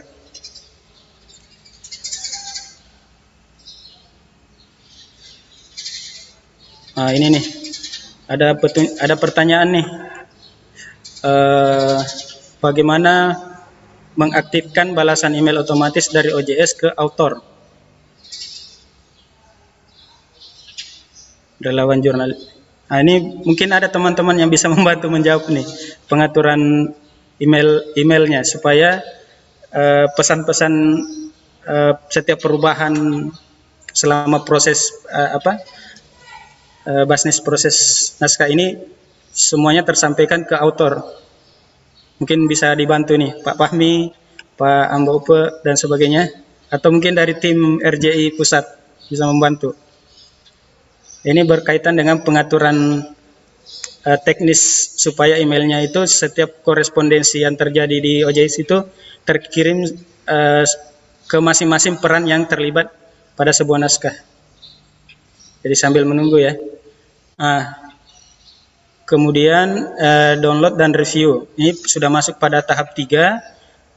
Uh, di sini uh, uh, kita anggap reviewer sudah memeriksa secara keseluruhan naskahnya, kemudian sebagai pengelola jurnal kita meminta reviewer mengisi beberapa eh, bagian terkait dengan isi naskahnya.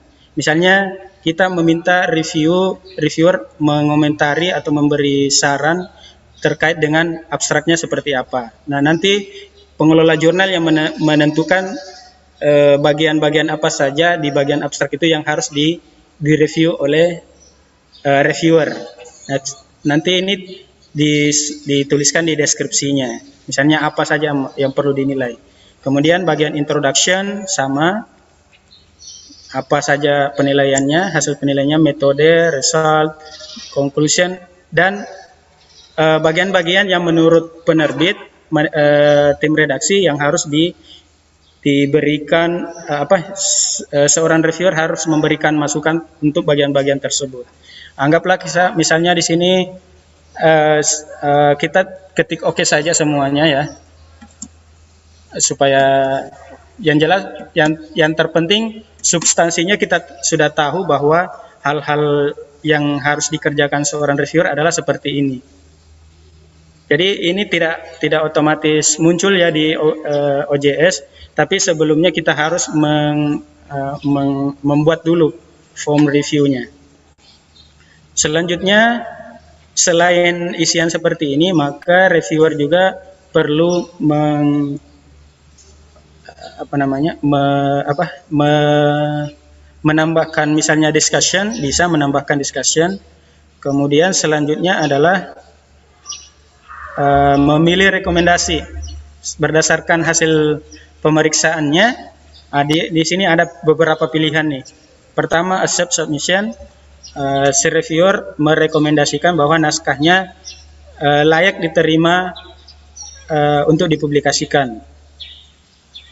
Kemudian ya revision require, berarti naskahnya itu masih perlu uh, perbaikan pada beberapa bagian yang sesuai dengan saran-saran dari reviewer.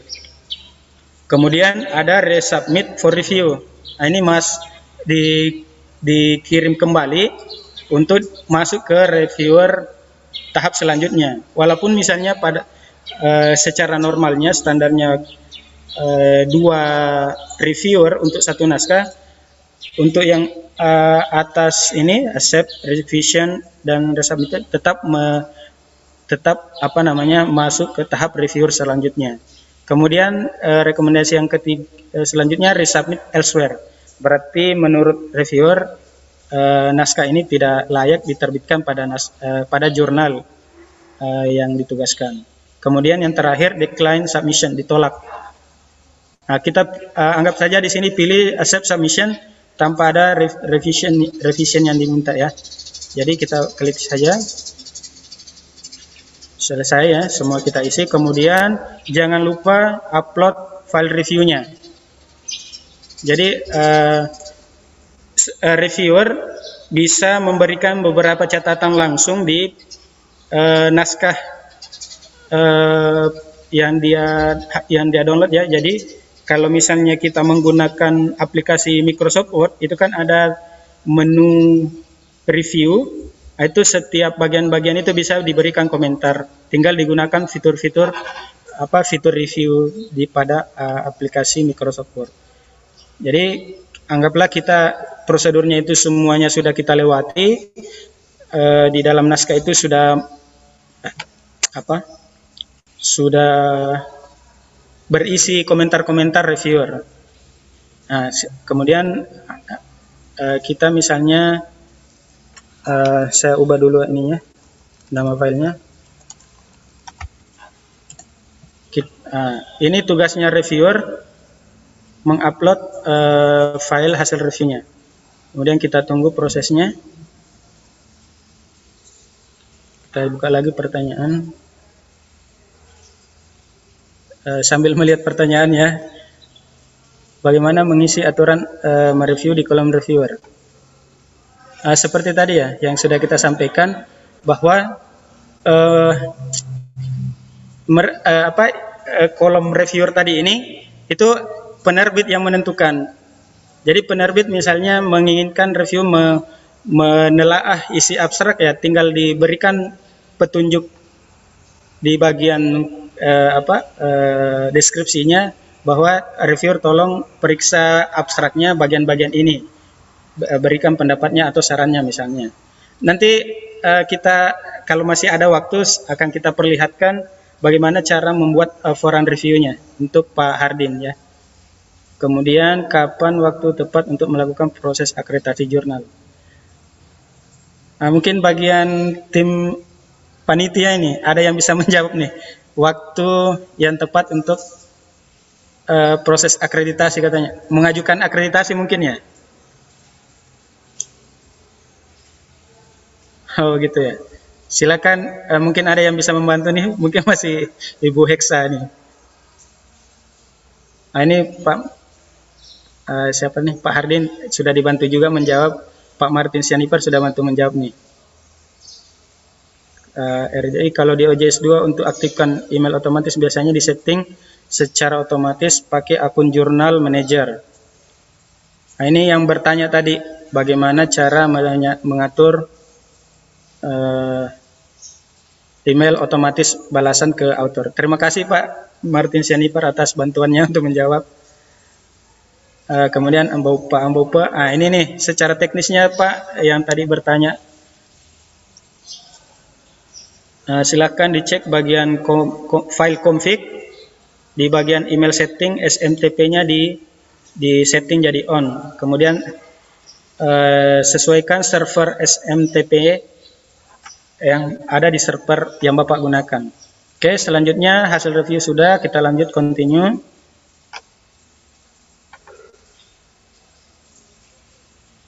Oke, ini masih bisa diedit nama filenya, tapi kita sudah edit dari awal, kita biarkan. Kemudian continue.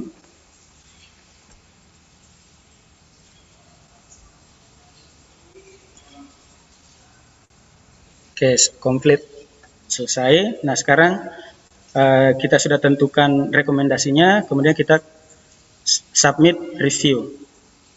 Oke, selesai.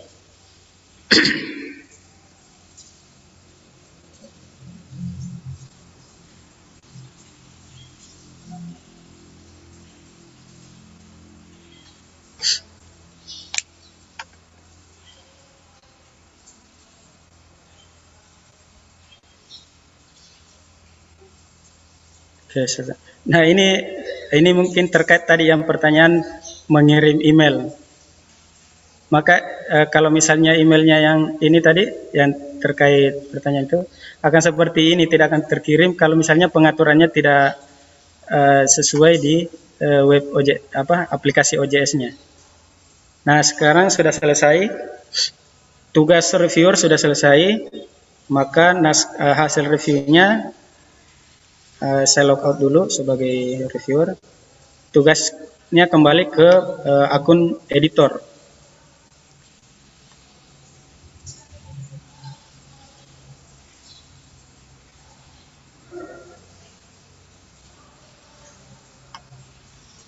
Nah, saya login lagi sebagai editor.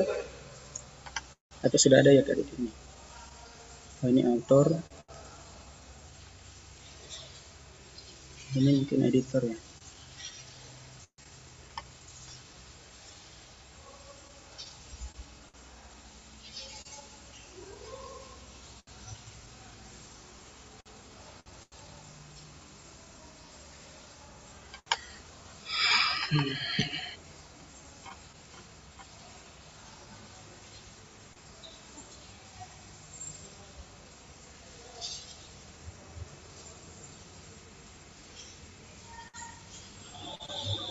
Oke, saya masuk lagi ke sebagai editor untuk melihat uh, hasil reviewer yang sudah dikirim.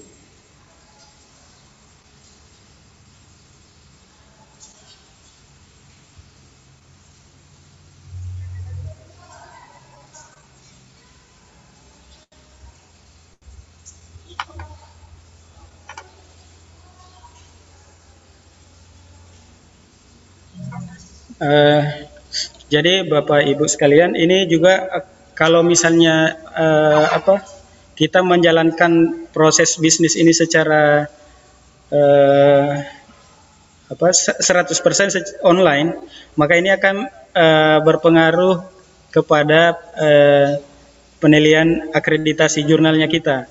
Karena kenapa uh, di seluruh uh, apa proses yang di di apa di di uh, apa ya riwayat sebuah naskah prosesnya itu mulai dari submission sampai publication itu kan itu terekam di aplikasi OJS ini. Nanti kan uh, uh, apa tim penilai akreditasi jurnal itu nanti nanti kan meminta akun editor. Nah semuanya itu bisa mereka cek apakah naskah ini betul-betul melewati proses secara normal, secara standar, mulai dari kirim, review, edit, editing, copy edit, sama layout. Nah, itu akan mempengaruhi uh, bobot penilaian akreditasi.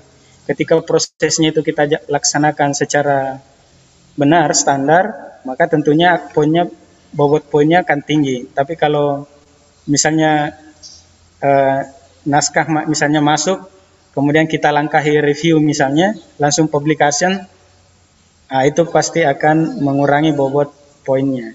Nah sekarang kita sudah ada masuk di akun editor, di sini sudah muncul pemberitahuan new reviews has been, have been submit. Jadi uh, hasil review sudah masuk, kita lihat.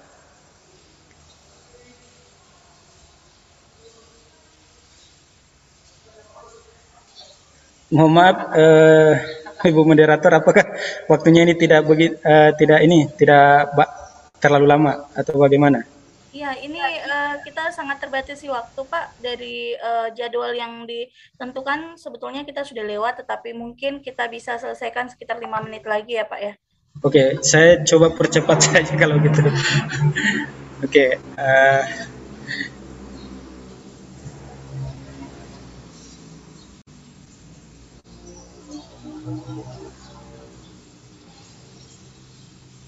Ini dari sisi komunikasi antara editor ke author ini belum kita belum kita tunjukkan karena kalau kita tunjukkan lagi itu pasti waktunya pasti akan double lagi. Jadi eh, anggaplah misalnya di sini kita sudah masuk sebagai editor, eh, hasil reviewnya ini lagi sementara loading.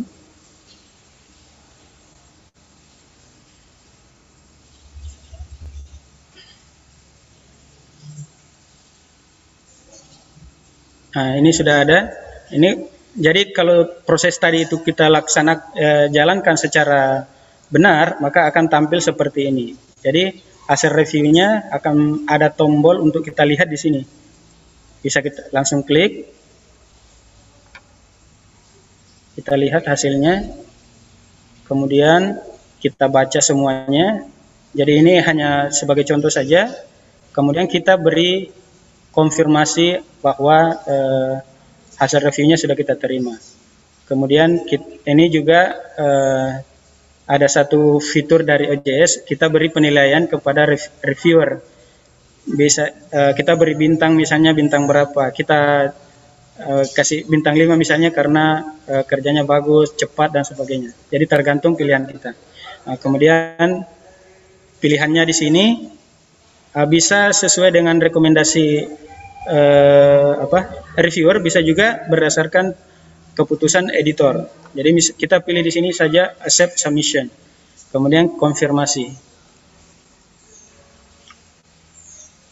Nah, tentunya reviewer juga eh, apa editor memeriksa hasil reviewnya ini.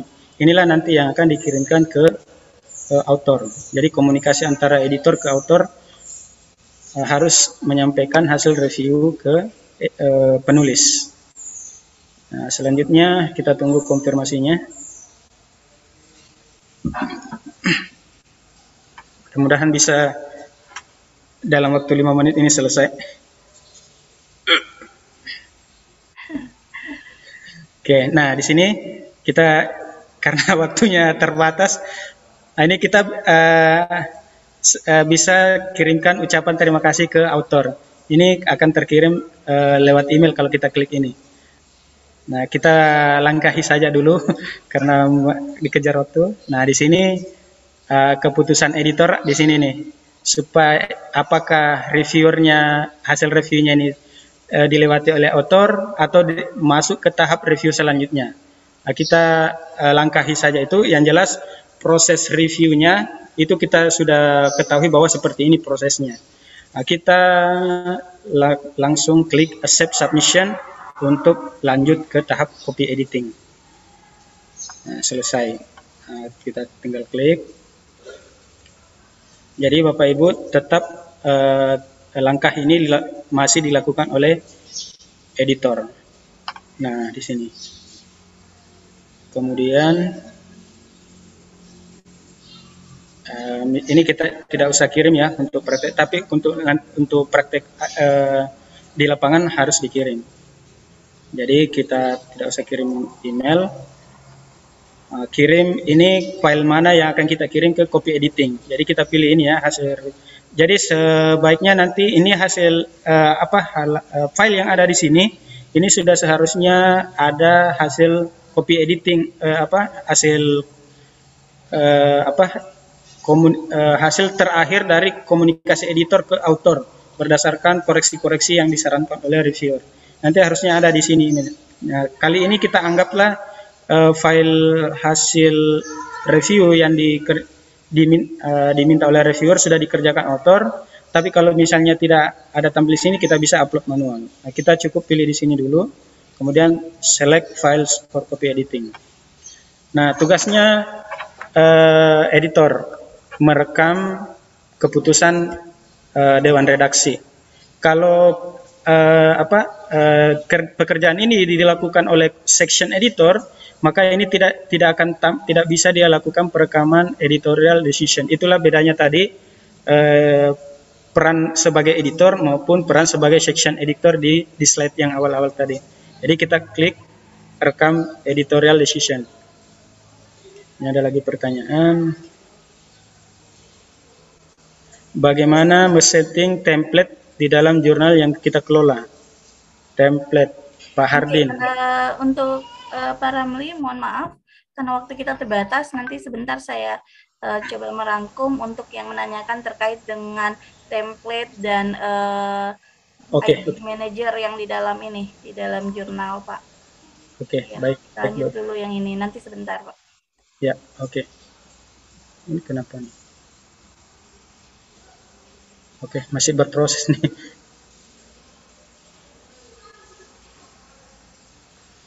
Untuk Bapak Ibu yang eh, ingin jurnalnya didampingi oleh relawan jurnal Indonesia, eh, relawan jurnal Indonesia eh, ada link yang eh, bisa diisi, di mana eh, pendampingan dilakukan oleh tim dari RJI meliputi akreditasi dan reakreditasi jurnal nasional, kemudian indeksi, in- indeksasi jurnal ilmiah, setting atau pengaturan doi, kemudian perbaikan tampilan jurnal atau custom jurnal itu yang tadi ditanyakan oleh eh, terkait dengan template dan lain sebagainya juga bisa.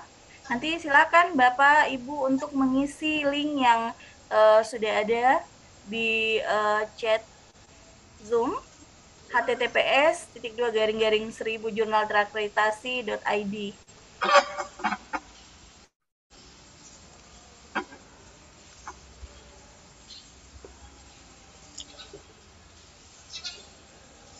Oke, baik. Uh, selanjutnya sudah masuk ke tahap copy editing. Karena ini waktunya mepet, kita akan melangkahi saja. Karena copy editing ini, uh, misalnya di sini di-upload uh, file file copy editingnya. Jadi kita upload saja. Ini terburu waktu nih. Uh, sa salah nih. Ini ini kenapa uh, apa? file draft untuk yang copy editing ini tidak ada karena tadi kita langkahi prosesnya. Jadi anggap ini kita uh, upload secara manual saja hasilnya. Jadi nanti copy edit kalau kita laksanakan secara otomatis tadi melalui sistem ini, semua file draft draft filenya ini otomatis akan diambil dari uh, tahap sebelumnya. Kemudian discussion, kemudian copy edit ini akan diupload oleh hasil copy editing. Di sini kita upload. Nah, sekarang anggaplah proses semua proses ini sudah kita lewati sepenuhnya, nah, maka kita masuk langsung ke tahap produksi. Jadi kita kirim ke send to production. Jadi kelebihan dari peran editor ini, dia bisa mengambil alih peran uh, copy editing, proofreader, layouter, semuanya bisa di, dilaksanakan oleh uh, editor. Nah, kita langkahi lagi ini, emailnya kita usah kita kirim. Kemudian kita select files for production. Nah, di sini tentu saja karena kita langkai prosesnya maka tidak ada. Jadi ini tidak bisa kita ini nih lanjutkan. Jadi saya coba upload dulu untuk copy editnya dulu supaya ada ininya.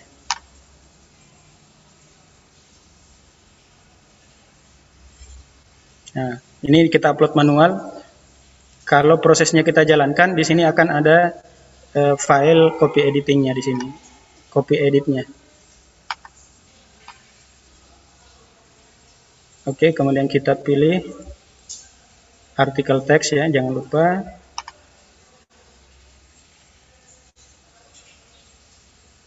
Ini file asal-asal saja yang saya upload.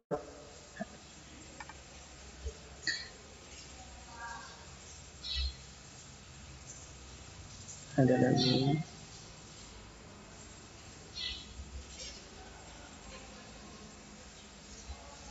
Oke, continue.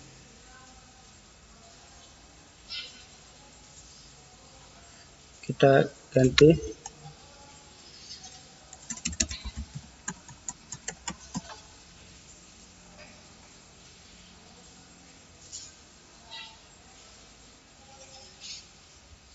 Apa kita stop saja Bu Irma? Karena prosesnya ini kan uh, tinggal memilih di nomor terbitan mana. Nah ini sudah ada ya tinggal kita pilih hasil copy editnya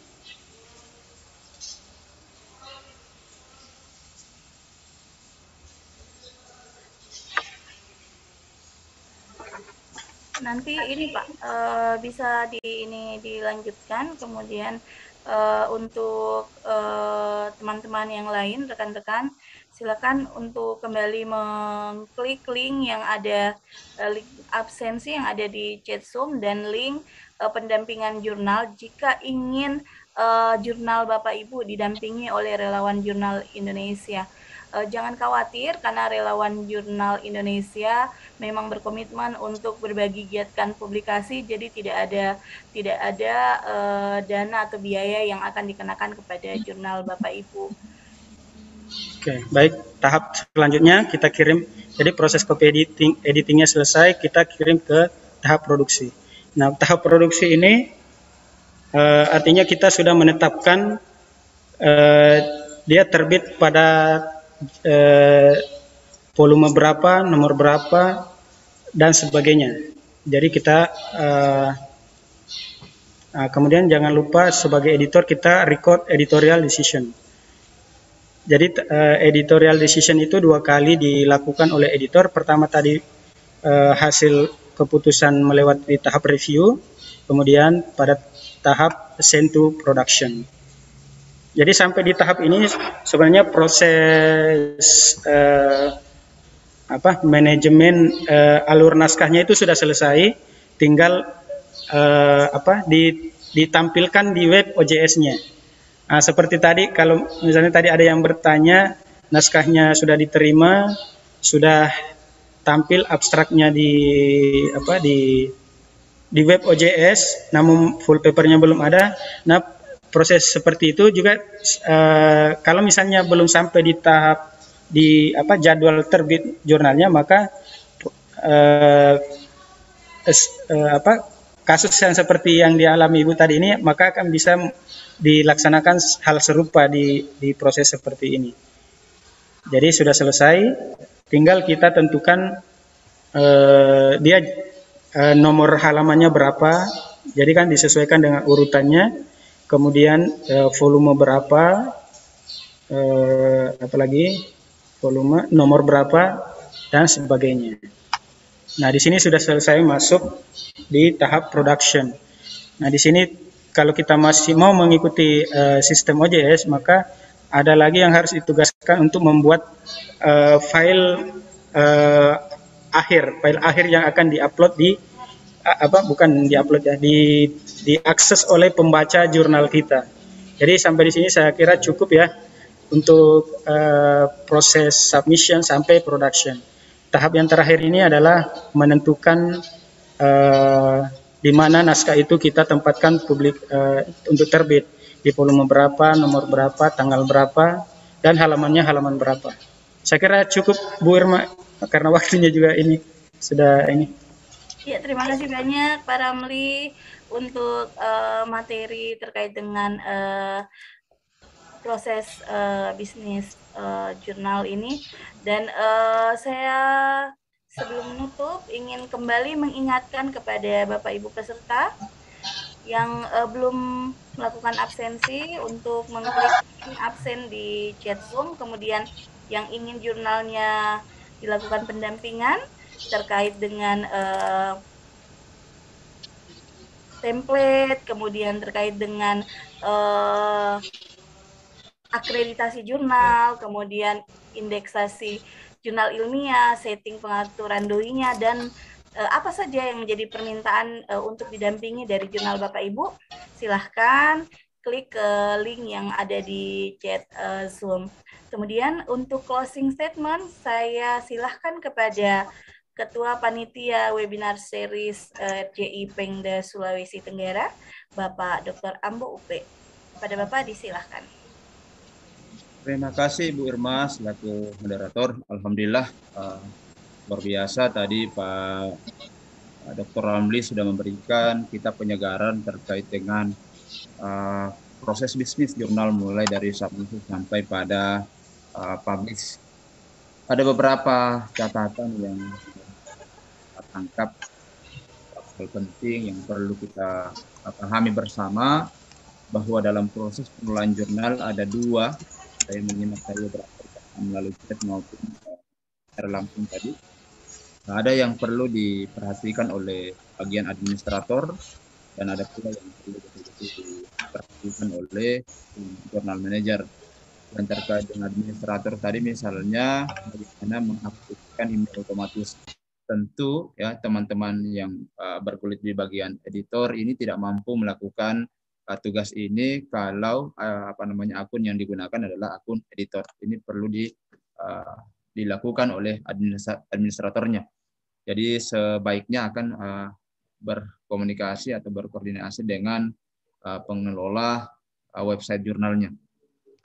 Yang kedua bahwa pengelolaan jurnal ini kalau betul-betul kita mengikuti 100% sebagaimana yang diharapkan uh, dalam sistem OJS tentu uh, membutuhkan waktu dan kerja kolektif yang luar biasa. Ya, kalau kita bayangkan bahwa kegiatan hari ini saja memakan waktu yang luar biasa lama, tentu akan lebih lama lagi kalau dalam bentuk yang real. Ya, misalnya tadi melalui proses submit, ya itu tidak langsung tiba-tiba uh, jurnalnya sudah terbit. Ya, jadi banyak hal yang bisa kita tangkap hikmah dari kegiatan ini bahwa seorang penulis juga harus memahami proses ini agar tidak selalu bertanya-tanya ya ataupun mungkin galau dengan artikelnya yang sudah berbulan-bulan belum publish atau belum diterima. Itu karena proses tadi yang memang luar biasa panjang. Begitu juga bagi kita semua ini pengelola jurnal sangat dibutuhkan kerja sistematis, kerja berjenjang dan tentu membutuhkan proses atau waktu yang panjang dan ini bukan proses yang sifatnya instan. Ya, bukan proses yang instan. Kalau yang disampaikan tadi Pak Dr. Ramli itu adalah baru satu putaran, ya. Bagaimana misalnya kalau reviewer itu meminta uh, resubmit for review, ya tentu mungkin kita akan masuk kepada round 2 atau dan seterusnya ya kalau misalnya ada perdebatan perbedaan pendapat antara reviewer satu dengan reviewer dua mungkin kita akan memanggil lagi reviewer tiga dan seterusnya dan memang ini menunjukkan bahwa kegiatan-kegiatan uh, ini perlu kita selalu uh, refresh uh, supaya teman-teman pengelola jurnal selalu semangat ya untuk menggiatkan uh, publikasi.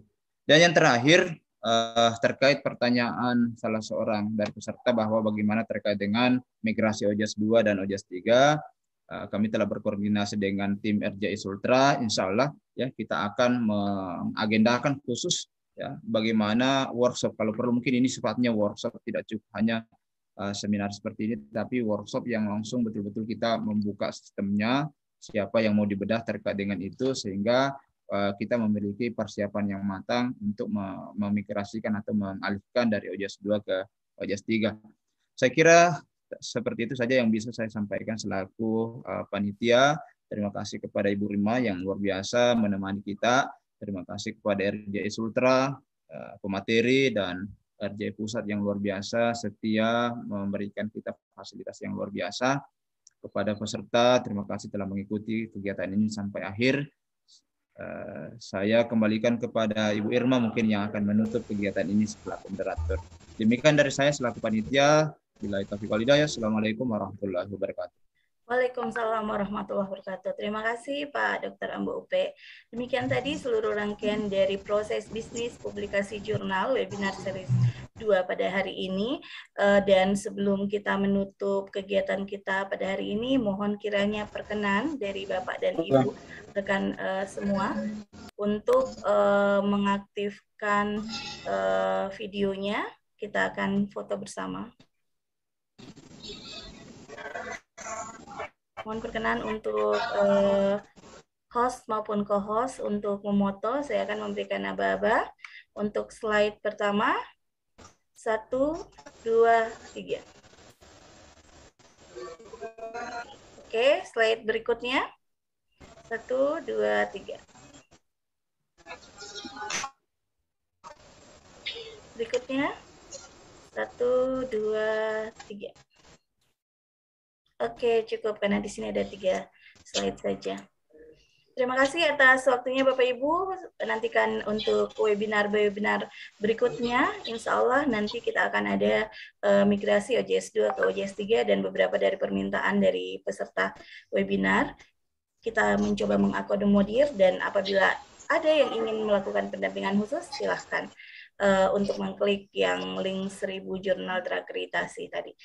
Wabillahi taufiq wal hidayah. Kami tutup dengan ucapan alhamdulillah